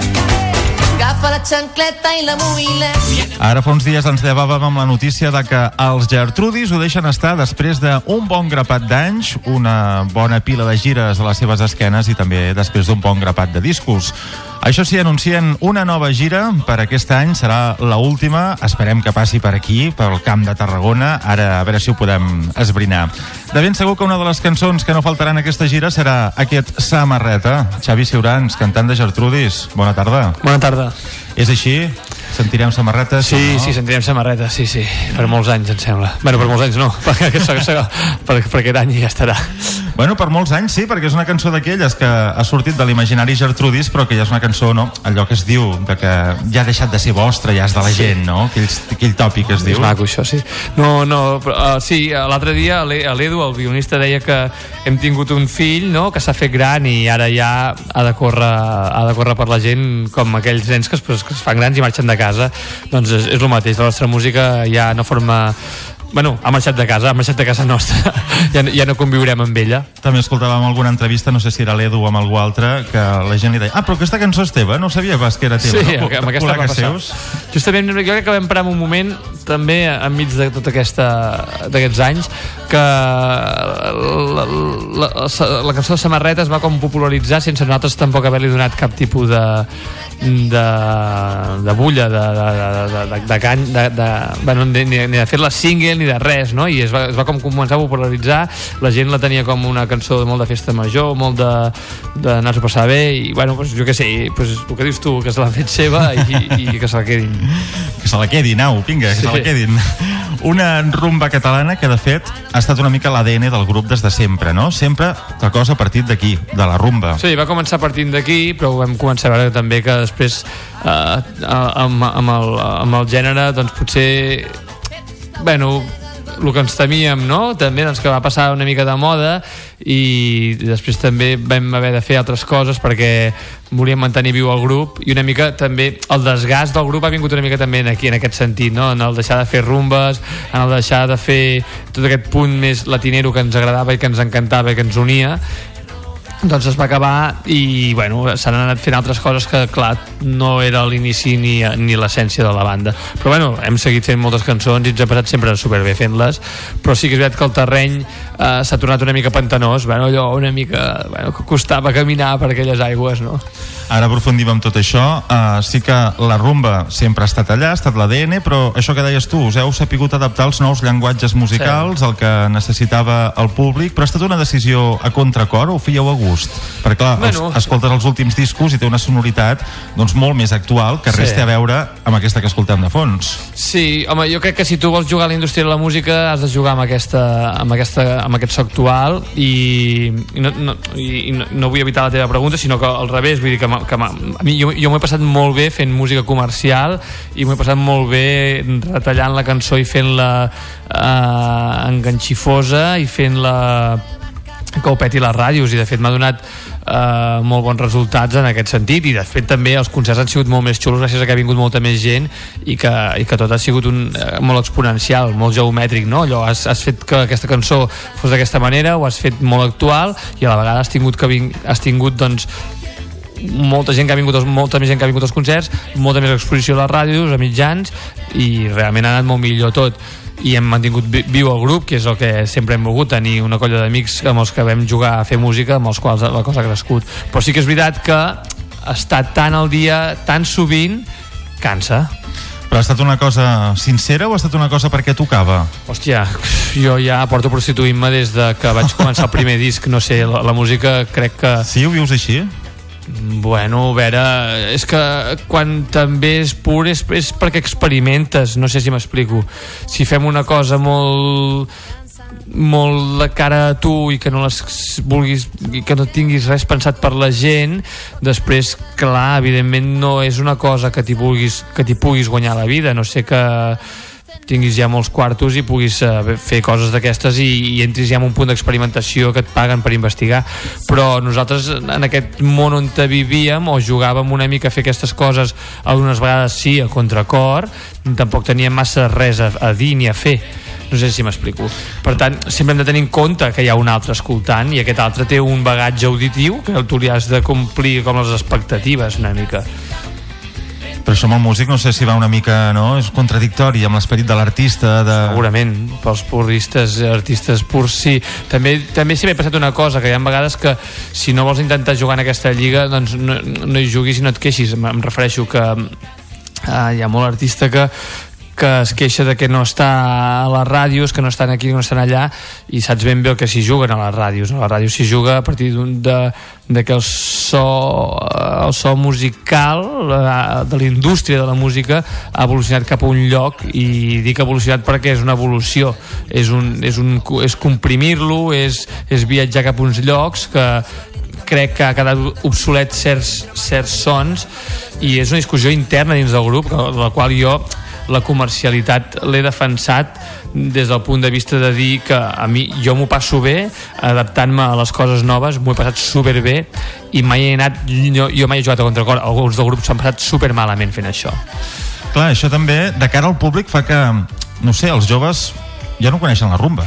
Ja no coneixen altres Sí, estils o altres gèneres potser més primigenis, no? Sí, sí, és que, no sé, el Zetangana ha fet un disco de rumba catalana i, i, és, i és el que ho ha patat, vull dir que... És que no, i és el que ho ha patat i és un tio que, que, que, que és ara potser podríem parlar de que és la figura número 1 de tot l'estat espanyol. Uh, i aquí Catalunya també ho ha patat a saco vull dir que, que, i a més a més és que ha agafat la, la música d'aquí amb el Niño de Elche quan va escoltar tot allò que, que, que, que, que va mamar ell en aquí pues, ho ha sabut portar-ho molt bé. Bueno, no sé, jo que crec sempre és que mm, el que no pots tampoc pretendre és quedar-te en un món que ja, no, que ja ha passat de moda perquè ha passat de moda, és a dir, el sonar com fa uns anys mm, de vegades també és faltar el respecte, és a dir, ja no estàs aportant cap tipus de coneixement nou a la música. No parlo d'idees musicals, les idees musicals són brillants i, i segueixen sent brillants en molts, en molts aspectes, amb grups que potser no coneixerem mai. Però sí que és veritat que la, la sonoritat ha canviat d'una manera, com la cançó que estem escoltant ara, on hi ha rumba catalana, però també hi ha d'haver una un respecte al so, és a dir, s'ha de cuidar de la manera que ara s'està cuidant i no tenir-lo o menysprear-lo per mi, per mi és un menyspreu ficar la rumba que feies tu fa tants anys amb els aparells que feia fa tants anys. És un punt romàntic, sí però no estem parlant de romanticisme, estem parlant d'indústria de la música, la indústria de la música juga a una cosa comercial, no sé, i trair els teus principis, vull dir, que des del principi que estàs fent un grup de música ja s'estan, entre cometes, traint, no sé si m'explico. Eurojuvenit al so, el públic us ha seguit, això només cal anar a un concert de Gertrudis i veure doncs, que hi ha gent de totes les edats, també molta gent jove. Per tant, si us ha funcionat tot aquest canvi, què ha passat? Per què heu decidit dir baixem la persiana? No, doncs precisament pel que tu, pel que tu, em, pregun, pel que tu em deies, no? pues que hi ha gent dins de la banda que s'ha quedat com dient, hòstia, jo ja no em sento tan a gust fent aquestes coses, i no és només això. És, Fent no és música pels altres i no per mi, potser, no? Uh, bueno, no, no, deixant de fer aquest, aquest, aquest rotllo, sobretot que tu em comentaves, aquesta essència més rumbera, uh, perdre-la va doldre... Uh, uh, uh, bueno, i a mi també em va doldre, eh, vull dir, però sí que és veritat que jugar tant a fer-te la foto aquesta amb els llavis junts fent un petó amb el WhatsApp i, ai, pel, pel Instagram i, i escrivint tuits ingeniosos i no, això sí que nosaltres ja ens hem perdut. No, ens hem, no és que ens haguem perdut, hem estat en allà. De fet, hem estat molt en allà. De fet, molta gent em diu oh, encara esteu fent això, esteu fent l'altre. Sí, però és que no ho sé fer-ho ni jo això. Hem pagat una persona perquè ens faci aquesta, aquesta feina. Ens cansa molt tot el que porta a darrere fora de la música és a dir, ja no és que ens ho hem passat malament amb la música, que també hem viscut situacions estranyes per fer una radiofórmula i per patir aquesta pressió, sinó que la, la, Bueno, pues no sé, tio, la, la, lo que és, lo, lo, lo que és la, la indústria fora de la música ja també, no? Sentiu que us heu convertit en esclaus una mica de la música. Sí, és pesadet, és pesadet, és pesadet. Eh, No arribes a tot, ja està. Sensació de, de, no, de, no, fer, de, de, no, de no haver nascut per fer aquesta feina. Mhm. De dir, uah, diu, jo no és que no sé quina foto és guai, no sé si sé parlar bé en aquest Instagram, no sé si, no sé, no sé fer un, no sé fer un reel, no sé si no sé fer un ball, no vull, i tampoc em ve de gust, i ja està. I també era aquest punt de sinceritat. I ara, doncs, que la cosa a nivell de bolos estava com més relaxada, doncs, ja no ens funcionava, no? I per tant, doncs hem dit que potser parem-ho, deixem-ho aquí. Però suposo que deu rebentar aquesta immediatesa del món de la música, no? L'altre dia teníem el Sí. Joan per aquí, el, el Joan Masdeu, Sí. i ell ens comentava precisament això, no? Dels dissabtes que ell estava doncs, allò en una botiga de discos, escoltant el vinil, clar, avui en dia vam, vas passant, no?, amb Spotify sí. o internet. Sí, sí, l'altre dia ens feien una pregunta, no?, de si pensem les cançons perquè surtin en un reel o no, i vaig reconèixer que Que quan jo, no, no, no, no, perdona, vaig reconèixer que sí, era la resposta que esperava, sí ho sé, però no, estava jo escoltant, vam fer re, un petit reel per explicant que plegàvem amb una cançó i pensava, hòstia, que bé que queda aquesta cançó, que poc, i en canvi ara tota la cançó amb el videoclip ja se'n fa com una mica pesadeta sí que és veritat, no? aquest punt d'anunci de, de, de, de fragment no? de, viure, de viure instants Bueno, és una cosa a la que eh, s'hi ha de saber jugar, em flipa, eh, a mi també, vull dir, i, i ens flipa a tots, per molt, per molt d'esquerres que siguis, ja, tothom està allà, eh, vull dir, veig, veig que qualsevol anunci super eh, reivindicatiu té, el seu, té la seva música i juga també a aquestes passions tan capitalistes i tan primàries. Uh, però vull dir que jo també reconec que cada vegada la immediatesa ens porta més cap aquí, sí, i que, fuà, mm, de vegades nosaltres sí que reconeixem que només som un grup de música. Però això no creus que està portant cap a pervertir el món de la música, aquella essència de llibertat, no?, que té tota expressió artística? Bueno, és, és, és el que estem, no? No sé, a veure, també en Guillem de Manel acaba de fer un disco anat de l'olla, no? Vull dir que acaba de fer coses en 5 minuts, amb també fragments i acaba d'omplir un grec, no? Potser perquè la gent no havia escoltat el disco encara, però vull dir, jo què sé, vull dir que hi ha gent que està fent coses molt, molt bèsties i segueixen sent coses xules m'encanta Figaflaues, per exemple bueno, a mi el que em sorprèn per exemple és aquest punt de mm, un cantant que a la vegada ha estudiat màrqueting i el seu soci altre cantant del mateix grup ha estudiat publicitat i els dos són una màquina de de què? De fer diners o de fer música? evidentment que la seva música és inqüestionable i mola, però també clar, jo no puc estar a l'alçada d'això o, o no em ve de gust jo perquè, perquè per, per explicar-te una anècdota jo no hagués pensat mai amb la Mari de Chambao per exemple per fer, perquè pensava que era anar a tocar una cosa massa llunyana. Fem-ho, fem-ho, fem-ho, fem-ho vaig pensar, bueno, fem-ho, però no servirà per res i, va, i ha sigut la cançó que m'ha patat més. I aquí està la meva visió comercial que no, no ha anat mai enlloc. Però bueno, jo que sé, cadascú té les visions que té i a mi m'encanta tallar les cançons fer-les guapes, fer-les super, super fresques i fer-les mm, molt comestibles però sí que és veritat que després no queda tant a la memòria de la gent tot allò que has fet. Això també també és una cosa que vaig reconeixent al llarg dels anys. No queda una cosa que ha tingut doncs, potser un milió de visites. És a dir, passa uns mesos i deixa de tenir unes, una... deixa de calar, no ha calat. En canvi el samarreta d'Imperi uh, tot i el discurs que té fotut del so uh, crec que no sé per què ha calat ha calat i ja està, i tan contents, mira tan contents que hagi calat Per tant, potser bueno, heu plegat una mica a contracor i la indústria us ha com a mig obligat, o què? Sí, no? És a dir, que on tirava... No, home, sí, sí, no, a veure, a veure, és que no, puc, no vull dir mentides, ja, ja, ja, ja, hi havia, ja hi havia una contractació prou xula com per continuar però sí que és veritat que no era la mateixa d'altres anys i que, que, i que ens veiem en un camí de fer un altre disco, de moure més coses de fer unes col·laboracions per aquí, de buscar unes col·laboracions per allà, de, de mirar de fer mil coses que nosaltres ja, amb això sí que t'ho dic en sèrio, ja no m'hi veig prou en cor d'estar de, a l'alçada de, de, de, de, de seguir a tope.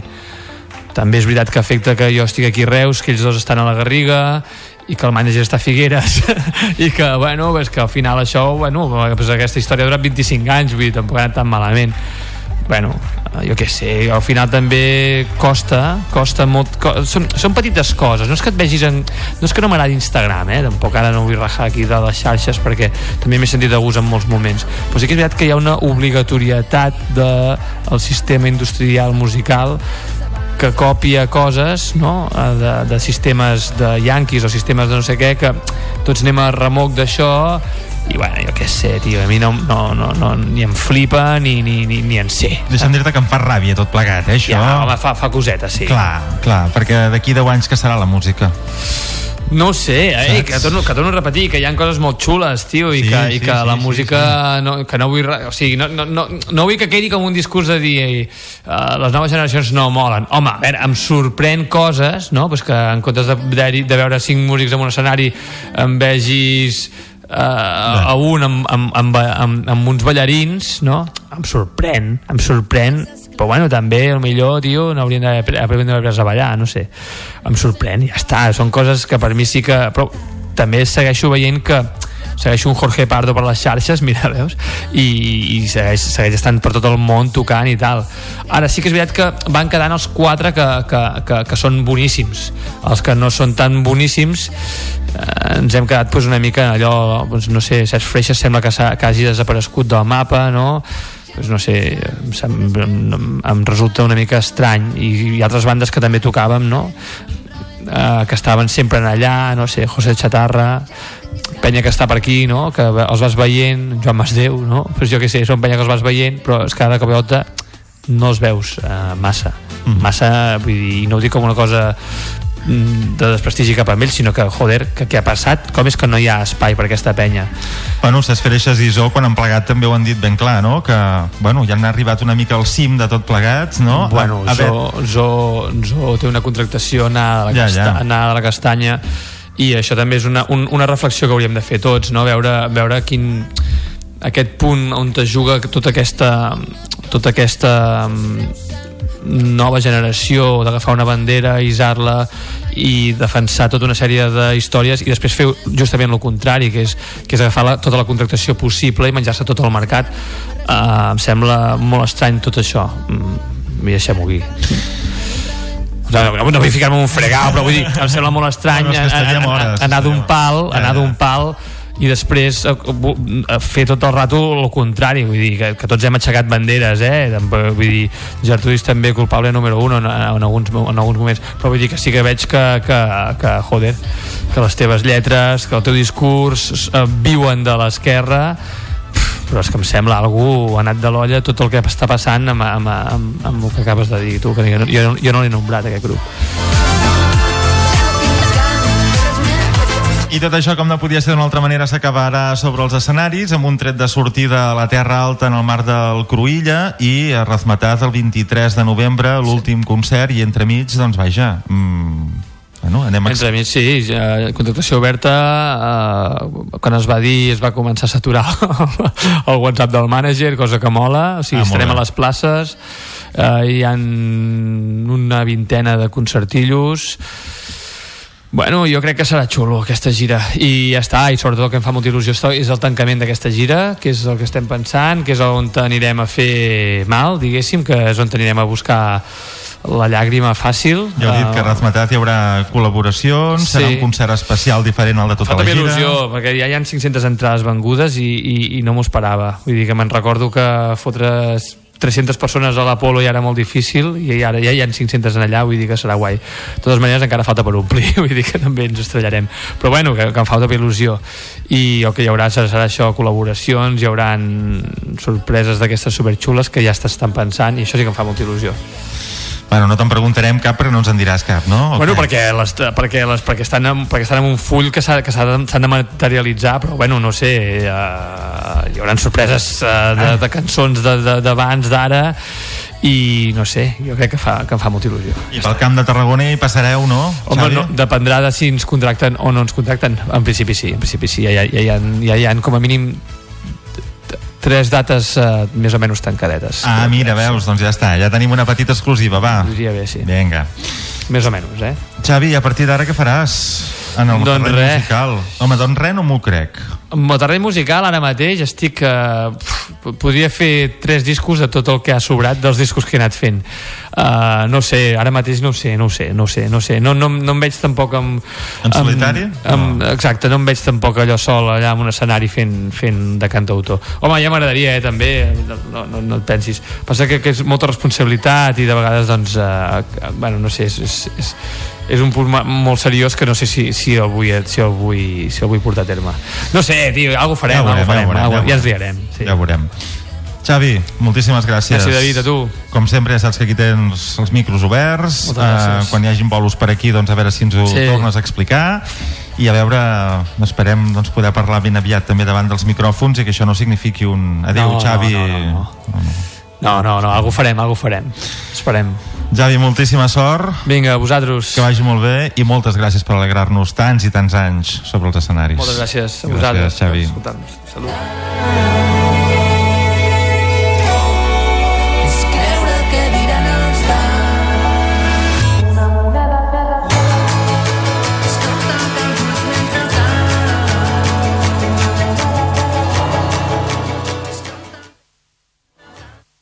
Carrer Major, la proximitat del Camp de Tarragona.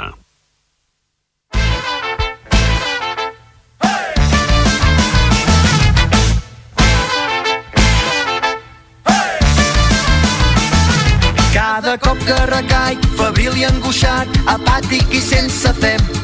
Crec que tot s'ha acabat, tancat i barrat, ja no s'hi pot fer res. Naltros del carrer Major eh, cada dia cuidem el català. I com no, també tenim la secció amb l'Ernesto, de la nostra lingüista. Però avui, que toca secció amb el Col·legi de Metges de Catalunya, continuarem cuidant la nostra llengua perquè parlarem del llibre Ensenya'm la llengua, del doctor Antoni Beltran. Un divertit llibre que va presentar ahir a Tarragona i del qual volem saber moltes més coses. El tenim a l'altre costat del fil telefònic i el saludem. Doctor Antoni Beltran, molt bona tarda. Molt bona tarda a tothom. I gràcies per trucar-me. Digue'm. No, no, gràcies per rebre la trucada. Què és Ensenya'm la llengua, doctor Beltran? Ensenya'm la llengua és un llibre molt amable i molt amè i molt familiar eh, que recopila tot el vocabulari col·loquial i popular al voltant de la salut. O sigui, la manera com la gent de mitjana edat per amunt, diguem-ne, però també la gent més jove, naturalment, eh, s'expressa quan va al metge per explicar tot allò que li està passant. I bé, és un llibre doncs, que va començar precisament aquí al Camp de Tarragona, perquè jo vaig estar aquí al camp treballant de metge fa ja una pila d'anys, concretament a Tarragona, a Reus i a, i a Valls, i a partir d'aquí va començar, vaig començar a estirar la, la, el fil de les paraules i de les expressions que jo sentia a la consulta i les- eh, d'aquí ha anat sortint aquest llibre que finalment ha, ha sortit editat i ahir el vam poder presentar amb molt d'èxit eh, aquí al Col·legi de Tarragona, al Col·legi de Metges. Uh -huh. Perquè després de tants anys a l'atenció primària, com ha dit vostè, doctor Beltran, les haurà escoltat de l'alçada d'un campanar. Se les apuntava vostè a algun lloc? Li feien gràcia quan la gent deia xitxón, m'he fet una, un esguince, m'he fet una Sí. torçadura, o coses així? Sí, jo, jo, jo, jo des de que vaig començar ja aquí al Camp de Tarragona a fer de metge, fa molts anys, eh, jo ja portava i porto encara una llibreteta que vaig apuntant tots aquests mots, aquestes expressions, perquè és molt important apuntar-les i en el moment que les, es- que les escoltes, al moment que les sents, eh? I, i bé, doncs aquí doncs, jo em vaig adonar que hi havia moltes paraules que, que, el, que els nostres pares i els nostres avis les, de, les diuen d'una manera correcta i en canvi els nets eh, les diuen ja en formes castellanitzades, no? I, i a partir d'aquí, doncs, eh, la idea del llibre és això, no? Poder, poder acostar tot, aquesta, tot aquest patrimoni lingüístic, tota aquesta manera d'expressar quan la persona va a urgències o va al CAP o va a veure el metge o l'infermera d'una manera correcta. Eh? Llavors, per tant, eh, aquí el que reivindiquem amb aquest llibre és que hi ha paraules com estrabada, eh? que no cal dir tirón, perquè hi ha una paraula que es diu estrabada, o regirada, o revirada, o els nyanyos, els nyanyos que ens fem al cap quan un nen cau d'un tobogan, es fa un nyanyo, i no un xitxón, i, i així doncs, moltes i moltes paraules que, que es podem, les podem, diguem incorporar al nostre llenguatge més habitual, que és quan, quan anem, quan ens fem mal i, per exemple, anem al, a l'ambulatori del poble o de la ciutat o a urgències. Per tant, permeti'm incidir en aquesta reflexió que feia fa un, uns segons. Hi ha hagut una regressió lingüística. Les noves generacions cauen més en aquests barbarismes, en aquests castellanismes que, que, que els seus pares o les seves àvies. Sí, bueno, això és una paradoxa que jo em vaig adonar. No, aquesta paradoxa segurament té, té moltes causes, no? No, no, no podem ara analitzar-les ni molt menys, però la realitat és que, és que el, la parla, aquesta parla eh, diguem-ne, de la gent com va al metge i s'expressa el que li està passant, és molt més rica en persones de, de 50 anys per amunt, per exemple, els nostres pares, els nostres avis, els padrins, les padrines, que no pas a, a la gent més jove, no? la gent que té 17 o 18 anys, malgrat que ha estat escolaritzada eh, des de petita i, i a més a més escolaritzada en català, eh, doncs eh, bueno, tenen una pobresa de llenguatge. Eh? Llavors això és un hàndicap important perquè és molt important quan tu trobes malament, saber-te expressar amb, amb, amb propietat i amb, amb la màxima exactitud que és tot allò que t'està passant, no? I, I per tant això el que intentem amb aquest llibre doncs, és, és això, que és fer forat, que arribi a les noves generacions de, a nivell de les escoles, eh, escoles, eh, instituts, eh, també en els, en els futurs metges, futures infermeres, perquè entenem, entenem tots plegats que és un llenguatge necessari. Eh? No estem parlant de recuperar un llenguatge fossilitzat o un llenguatge de, dels antics pescadors o dels antics boscatans no? de, que, feien, que feien carbó en les muntanyes, sinó que estem parlant d'un llenguatge necessari perquè tard o d'hora hem d'anar al metge i, i ens han d'atendre i hem de saber-nos explicar amb propietat. Uh -huh. Una bona eina per recuperar aquest vocabulari, com diu vostè, que fa uns anys era ben viu i ara doncs està patint aquests eh, intrusismes per part del, del castellà. D'on creu vostè que poden venir? De la televisió, de les xarxes socials, de la forma de comunicar-nos amb, amb d'altres persones? Mm, Bueno, eh, hi ha hagut, bueno, hi ha la pressió, hi ha la pressió del, del castellà, naturalment, le- les xarxes, les noves xarxes que ha sigut una cosa que ha sigut una cosa nova, no?, que ha irromput en el nostre sistema, eh, sistema de comunicació en els últims 20 anys, majoritàriament en castellà o en anglès, i, i això pues, ha, fet, ha fet recular una mica el català en, en tot aquest àmbit, no? Però bueno, jo sóc jo sóc, eh, jo sóc optimista perquè com vaig dir ahir per exemple al Col·legi de Metges de la mateixa manera que hem pogut recuperar paraules com com bústia o segell o vorera o, o, o gespa, per exemple, que abans ho dèiem a la castellana, no? dèiem césped, dèiem acera, dèiem bussón, dèiem cello, doncs jo entenc que també tot un seguit de paraules necessàries, repeteixo, eh, que fem servir habitualment quan ens fem mal o quan eh, necessitem que ens posin un empanat al peu o on ens hem torçat el turmell o un esquins o on hem fet carn esqueixada etc. No? Ens han fet un trau, etc. No? Doncs eh, llavors tot aquest llenguatge, si s'incorporés a les noves generacions, a les escoles, doncs seria una manera també de que els nanos i les nenes i nois joves no? pues poguessin, poguessin saber què vol dir tot aquest tipus de, de paraules i d'expressions al voltant del, del nostre cos i de la nostra salut. Eh? Una mica la idea és aquesta, per això ahir vam començar doncs, aquí a Tarragona a fer aquesta, aquesta presentació del llibre amb la voluntat explícita de voler recuperar tot aquest vocabulari i fer-lo arribar, com he dit, eh, en, els, en els futurs metges i infermeres.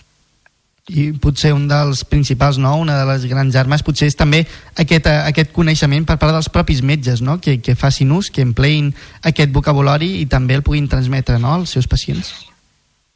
Sí, bueno, és molt necessari, això ara és un tema que és un tema recurrent, que va sortint als mitjans de comunicació, metges que no t'entenen perquè no, no t'entenen en català, o, o bueno, jo entenc que això és un, és un tema que, que, que s'hauria ja de solucionar. O sigui, un metge, un metge que ve a treballar, per exemple, aquí al Camp de Tarragona, eh, bueno, pot trigar un mes, dos mesos, tres mesos, quatre mesos, però no, al cap d'un temps no? ha, de, ha de saber expressar-se en català i entendre el que li està dient la persona que està malalta davant que és la que realment necessita la seva ajuda, no? Llavors aquella persona s'ha de, de poder expressar en català, el metge l'ha d'entendre i llavors eh, a partir d'aquest vocabulari que jo explico en el llibre, el metge ha de ser capaç també de que quan expliqui en el malalt què li està passant i, i què faran i, i el pronòstic i el tractament, ho ha de fer també amb un registre eh, no, no el registre del metge, sinó el registre del, del malalt, m'entens? Perquè si no el malalt no t'entén el que li estàs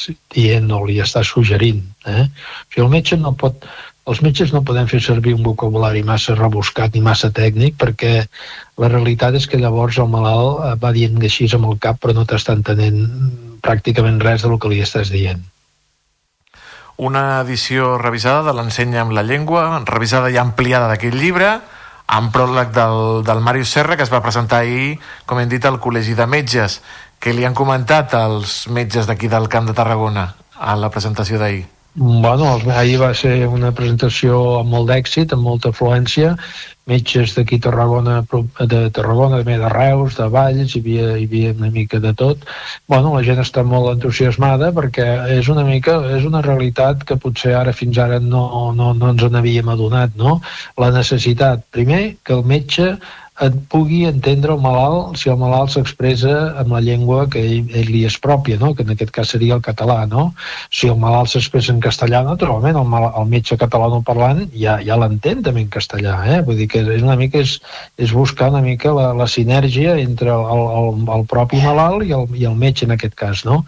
I llavors també torno a insistir en això, el metge ha de familiaritzar-se amb tot aquest llenguatge, aquest vocabulari, perquè és una manera de que la consulta sigui molt més familiar, molt més amable i sobretot que el malalt entengui exactament allà on vol arribar el metge a l'hora de, de fer el tractament, de fer el diagnòstic, de fer les proves complementàries que, que calguin, etc. No? Per tant, és un, és un, és un, nosaltres els metges, bueno, com, com els advocats, com els, eh, els juristes, no? tenim un llenguatge típic, propi, no?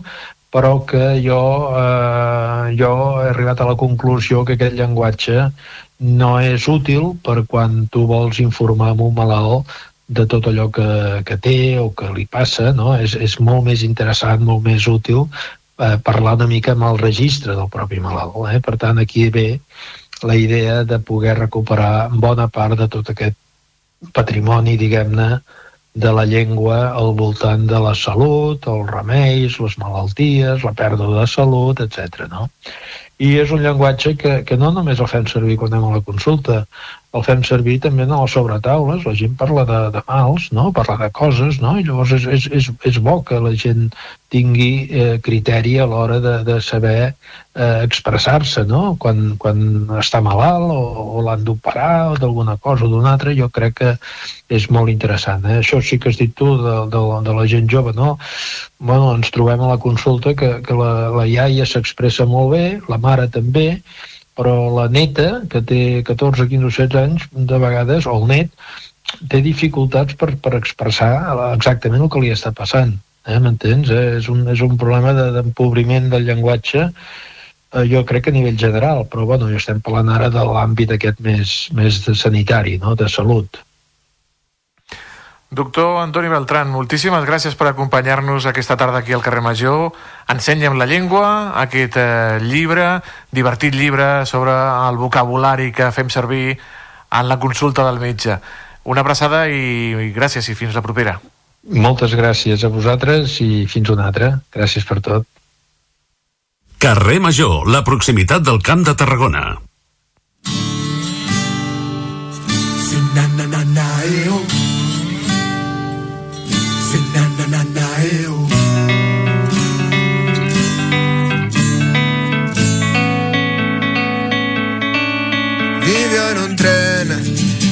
Lo llamó el huracán. Podía viajar sin tener que viajar y cada día marcaba su diario de sueños con él.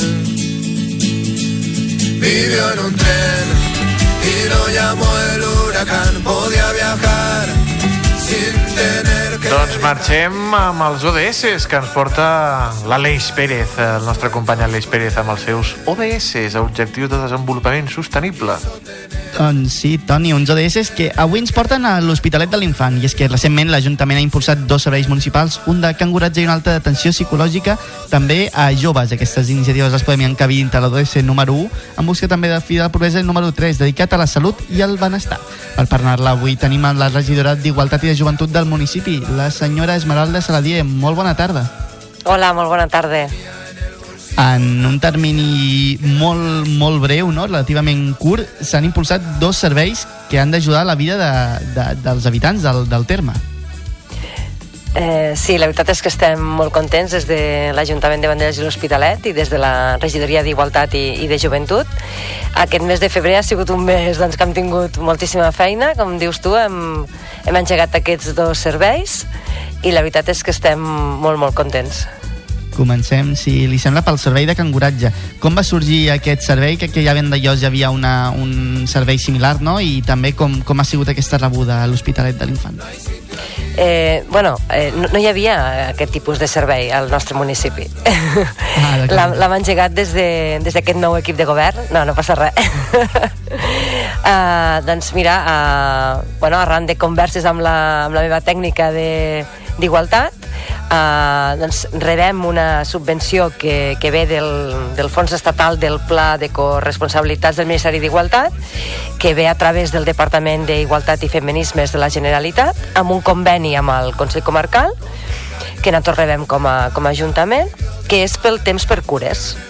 Eh, aquesta subvenció, que són 15.000 euros al nostre Ajuntament, es rebia ja fa alguns anys, però l'anterior equip de govern doncs, no utilitzava eh, amb aquest objectiu, que és el que, que ha de tindre, i vam estar parlant com, com ho podíem oferir, i llavors doncs, vam començar primer la iniciativa el 6 de febrer a, a Vandellós, que és un servei de canguratge, és el mateix a Vandellós que, que a l'Hospitalet. Eh?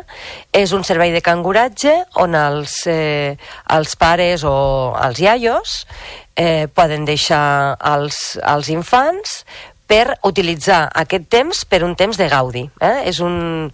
L'objectiu és doncs, ajudar a, a la conciliació eh, de les famílies. I a més també a, a, a uns preus també molt, molt, molt assequibles, també popular, no? Al final també l'important és que es pugui divulgar i que, i que sigui accessible per, per tothom. Sí, sí, eh, penseu que el preu del servei eh, és un euro eh, per infant i dia. Mm?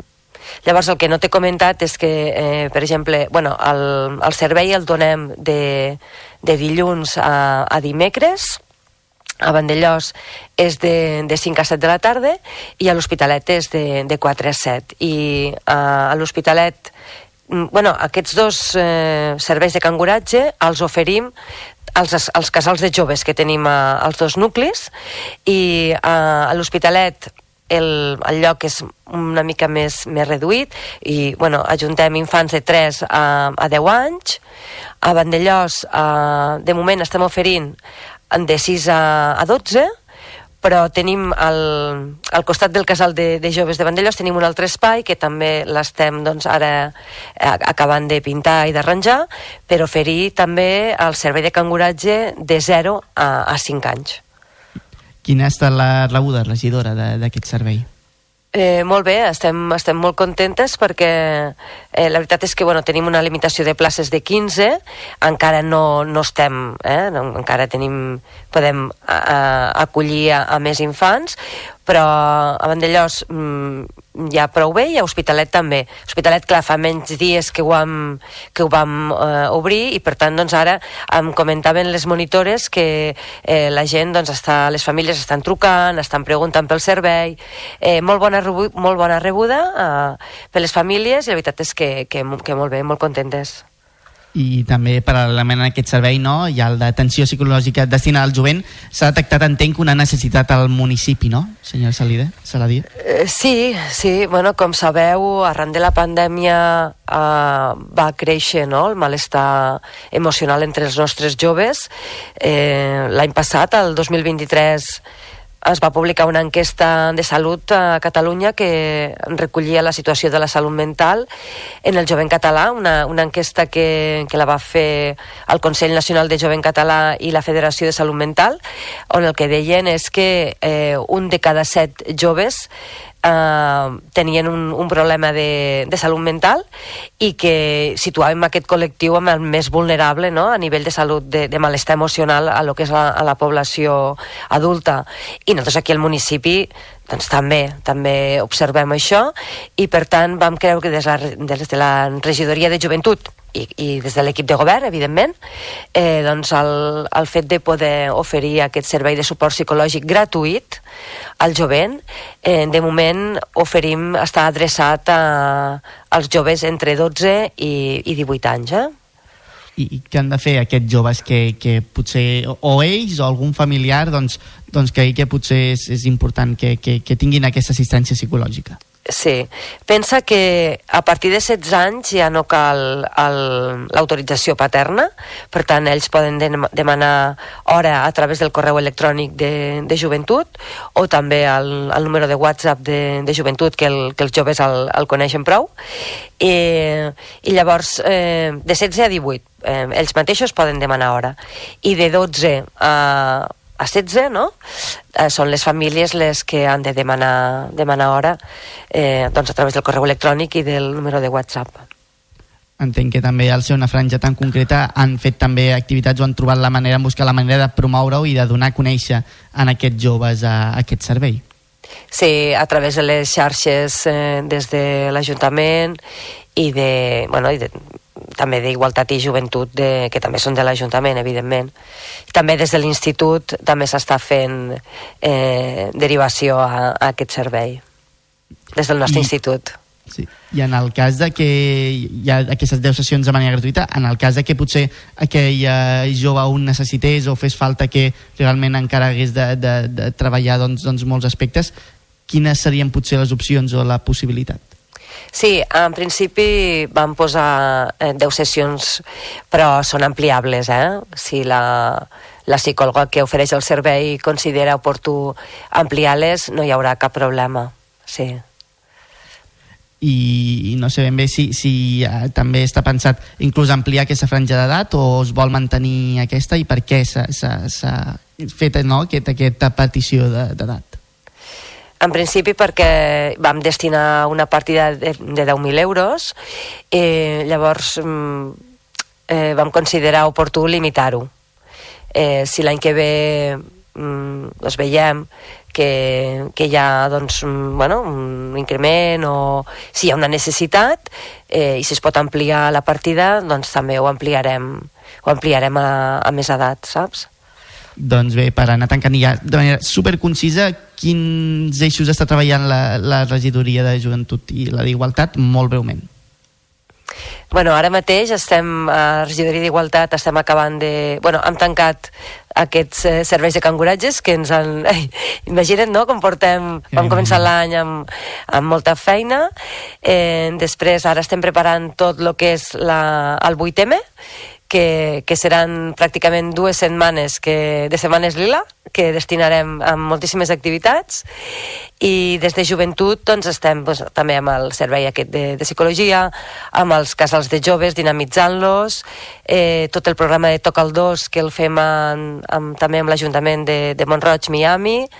Aquest cap de setmana passat van anar d'esquiar dels nostres joves, va ser també amb, amb gran èxit i, i bueno, doncs, eh, amb moltes activitats.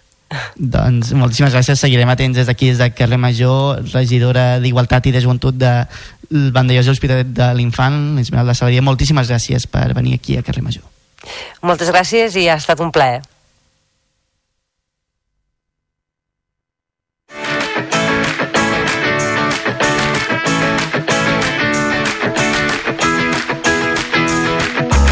Ja saps, Aleix, que quan sona aquesta sintonia és moment de la furgoneta. I avui, furgoneta en directe, que la veiem amb un pavelló. Ojo, eh? Cristina Artacho, molt bona tarda. Bona tarda. Ja sabeu que últimament estic addicta a l'esport. Bueno, de fet, per això no sabeu... És que tinc unes agulletes que no us les puc ni explicar. Però bueno, avui hem vingut a parlar de bàsquet i hem vingut a parlar de bàsquet inclusiu. Per això tinc al costat eh, a la Marta Pastor, que és la impulsora del projecte Inclu Bàsquet que fomenta el Club TGN Bàsquet. És el pavelló on som ara mateix. Molt bona tarda, Marta. Bona tarda. Aquest projecte Inclu Bàsquet no, que té l'objectiu no, d'incloure, com diu el seu nom, les persones amb diversitat funcional que puguin gaudir de l'esport i puguin conviure amb les persones ordinàries. Com sorgeix aquest projecte? Doncs aquest projecte va sortir farà ara ja gairebé 3 anys, eh, juntament amb el meu company, que es diu Pau Robert, eh, i tot va sorgir perquè un dia estàvem prenent alguna cosa i els dos som mestres d'educació primària amb l'especialitat d'atenció a la diversitat i vam dir, ostres, eh, nosaltres ens agrada molt el bàsquet, eh, coneixem i hem vist que hi ha algunes vegades que hi havia nens i nenes amb diversitat funcional que entrenaven a pavellons a les, al Camp Clar, per exemple, a les 7 de la tarda, sense compartir instal·lacions ni res, i vam dir, eh, escolta, i si amb el que nosaltres sabem i la, la implicació que tenim amb el bàsquet, i si ajuntem aquestes dues coses i comencem a crear un projecte, i pues, va sorgir una mica aquesta idea de dir, pues, anem a deixar que que, o sigui, que això passi de ser algo exclusiu, que és com estava, a intentar integrar-ho una mica dintre del nostre pavelló, del nostre club i de l'esport que, que estimem. És a dir, la intenció també és que, en certa manera, no, aquests equips de persones amb diversitat funcional s'integrin en el dia a dia del pavelló i convisquin amb tots els altres equips, no, com els que entrenen ara mateix. Exacte, sí. Un dels objectius principals del, del projecte és eh, trencar les barreres, eh, donar a conèixer la diversitat funcional i, i que formin, o sigui, crear un equip que és el que tenim ara a TGN, que formi part de l'equip, que comparteixin instal·lacions, que vesteixin la mateixa equipació que altres nens i nenes, és a dir, normalitzar la situació de, de qualsevol club en el que estiguin, ara en TGN, i, i entrenar tots junts, compartir instal·lacions i que és un enriquiment també per tothom, pels nens i nenes. Ja fa tres anys que vau començar aquest projecte, no sé si en el moment aquell que, en què tu i el teu company vau decidir impulsar això, quina va ser la reacció per part del club i quina va ser per part d'aquestes persones no? que gràcies a aquest projecte tenen un- una manera més de, de gaudir de l'esport? Doncs per part del club va ser molt bona perquè al final també ells ens van ficar moltes facilitats i ens van acollir molt, els va fer molta il·lusió que dues persones que hem crescut aquí vulguem tirar aquest projecte endavant i a més a més a les instal·lacions on hem crescut i vam tenir la gran sort de, de trobar el Club Vaixell que és una entitat que està a dos minuts del pavelló. Llavors crear vincles amb ells i, i formar part, o sigui, crear les dues entitats un equip va ser molt fàcil perquè ells van ficar molt de la seva part, al final és un esplai que està a dos minuts, ells estaven fent eh, multisports els dimecres i nosaltres els vam proposar doncs, per fer multisports en un pavelló, en una escola que, que no hi ha ningú, venim aquí, creem un equip, formem part d'un club i donem aquesta visibilitat. Ja fa tres anys, no, com dèieu, que vam començar aquest projecte. No sé si des d'aquell punt de partida, no, de crear un equip, eh, eh, no, fer aquest, eh, amb el Club Vaixell, no, ajuntar-vos, en quin punt estem avui en dia? Quantes persones gaudeixen de, del bàsquet? Doncs ara mateix moltes, o sigui, vam començar tenint un equip, vam començar que pràcticament no sabíem, o sigui, teníem poques eines i era com volem fer moltes coses però tampoc sabíem on anar i a dia d'avui, després de 3 anys, tenim la sort de que tenim un equip a, al TGN Bàsquet, tenim un altre equip al CB Valls, eh, ens hem ajuntat amb altres entitats i hem aconseguit formar part d'una lliga i cada vegada semblar-nos més a l'esport eh, ordinari que tots i totes coneixem. També és un esport no, que promou moltes vegades aquests equips mixtes amb diferència d'edat. No sé això com, com s'encaixa. Sí, doncs de moment molt bé. Nosaltres, el nostre equip de, de, que tenim aquí a l'Inclub Bàsquet TGN Club Vaixell és un equip mixte que hi ha totes les edats, eh, tots són majors d'edats, això sí que és veritat, i cadascú té la seva condició i, i tots junts formen un equip i s'uneixen molt entre ells, s'ho passen molt bé. I o sigui, no hi ha cap problema en, amb res, és tot molt guai. I ja per acabar, hem parlat de com va començar, hem parlat d'on som ara. No sé si teniu algun repte de futur per encara fer més gran aquest Inclub Bàsquet. Sí, bueno, eh, la, el nostre objectiu és o sigui, acabar de, de formar aquest projecte bé, que tothom ens conegui, que cada vegada hi hagi més nens i nenes que, que vulguin formar part d'aquest equip i també entrenadors i altres persones que tinguin interès pel nostre projecte i tot el que sigui, doncs benvingut serà. Doncs avui a la Furgo, que hem conegut aquest projecte Inclub Bàsquet del, del TGN Bàsquet que fomenta aquesta inclusivitat de les persones amb di discapacitat funcional. Moltíssimes gràcies a la, Marta, a la Marta Pastor, que és una de les impulsores del projecte i esperem que tiri endavant i es faci cada vegada més gran. Gràcies a vosaltres. Eh, Cristina, fes un llançament des de la línia de 675, dona. Però tens, tens segons, eh? Jo jugava a bàsquet de petita, eh? Solo diré eso. Sí. Molt bé, molt bé, ens n'alegrem, eh? Felicitats per la furgoneta. Ens veiem demà, companya. Adéu, que vagi molt bé. Adéu, que vagi molt bé. Doncs mira, me l'imagino llançant des de la línia de Sí. 675, Sí. que abans era 625, però es va canviar per 675, que és, eh, bueno, en fi, coses del bàsquet. Aleix Pérez, demà més eh, i millor aquí al carrer Major. Exacte, i millor perquè estem aquí a les millors ràdios del Camp de Tarragona oferint-nos de 4 a 6 carrer Major. Que bé ho has fet, noi. Fins demà. Tornem demà, que vagi molt bé. Abraçada, Cuidin-se. Adéu-siau.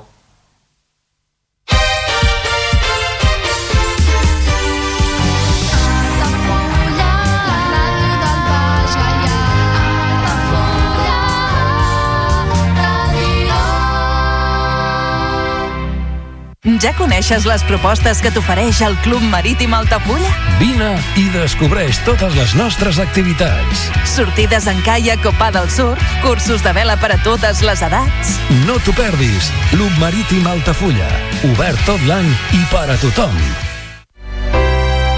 Comunions 2024. Dates ja disponibles amb sales privades, jardí, pàrquing privat i la millor gastronomia. Més informació i reserves al 977 65 11 55 i a comercial arroba altafullamarotel.com o al web altafullamarotel.com. Les teves celebracions familiars a l'Altafulla Mar Hotel.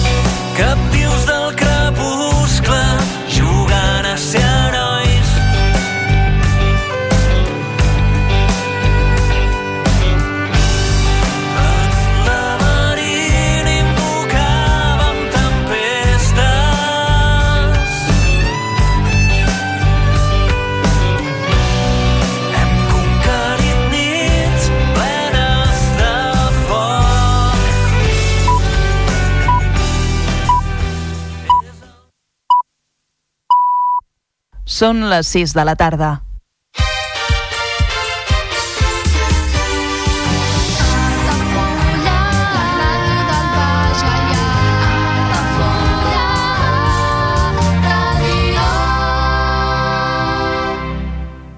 Altafulla Ràdio. Serveis informatius.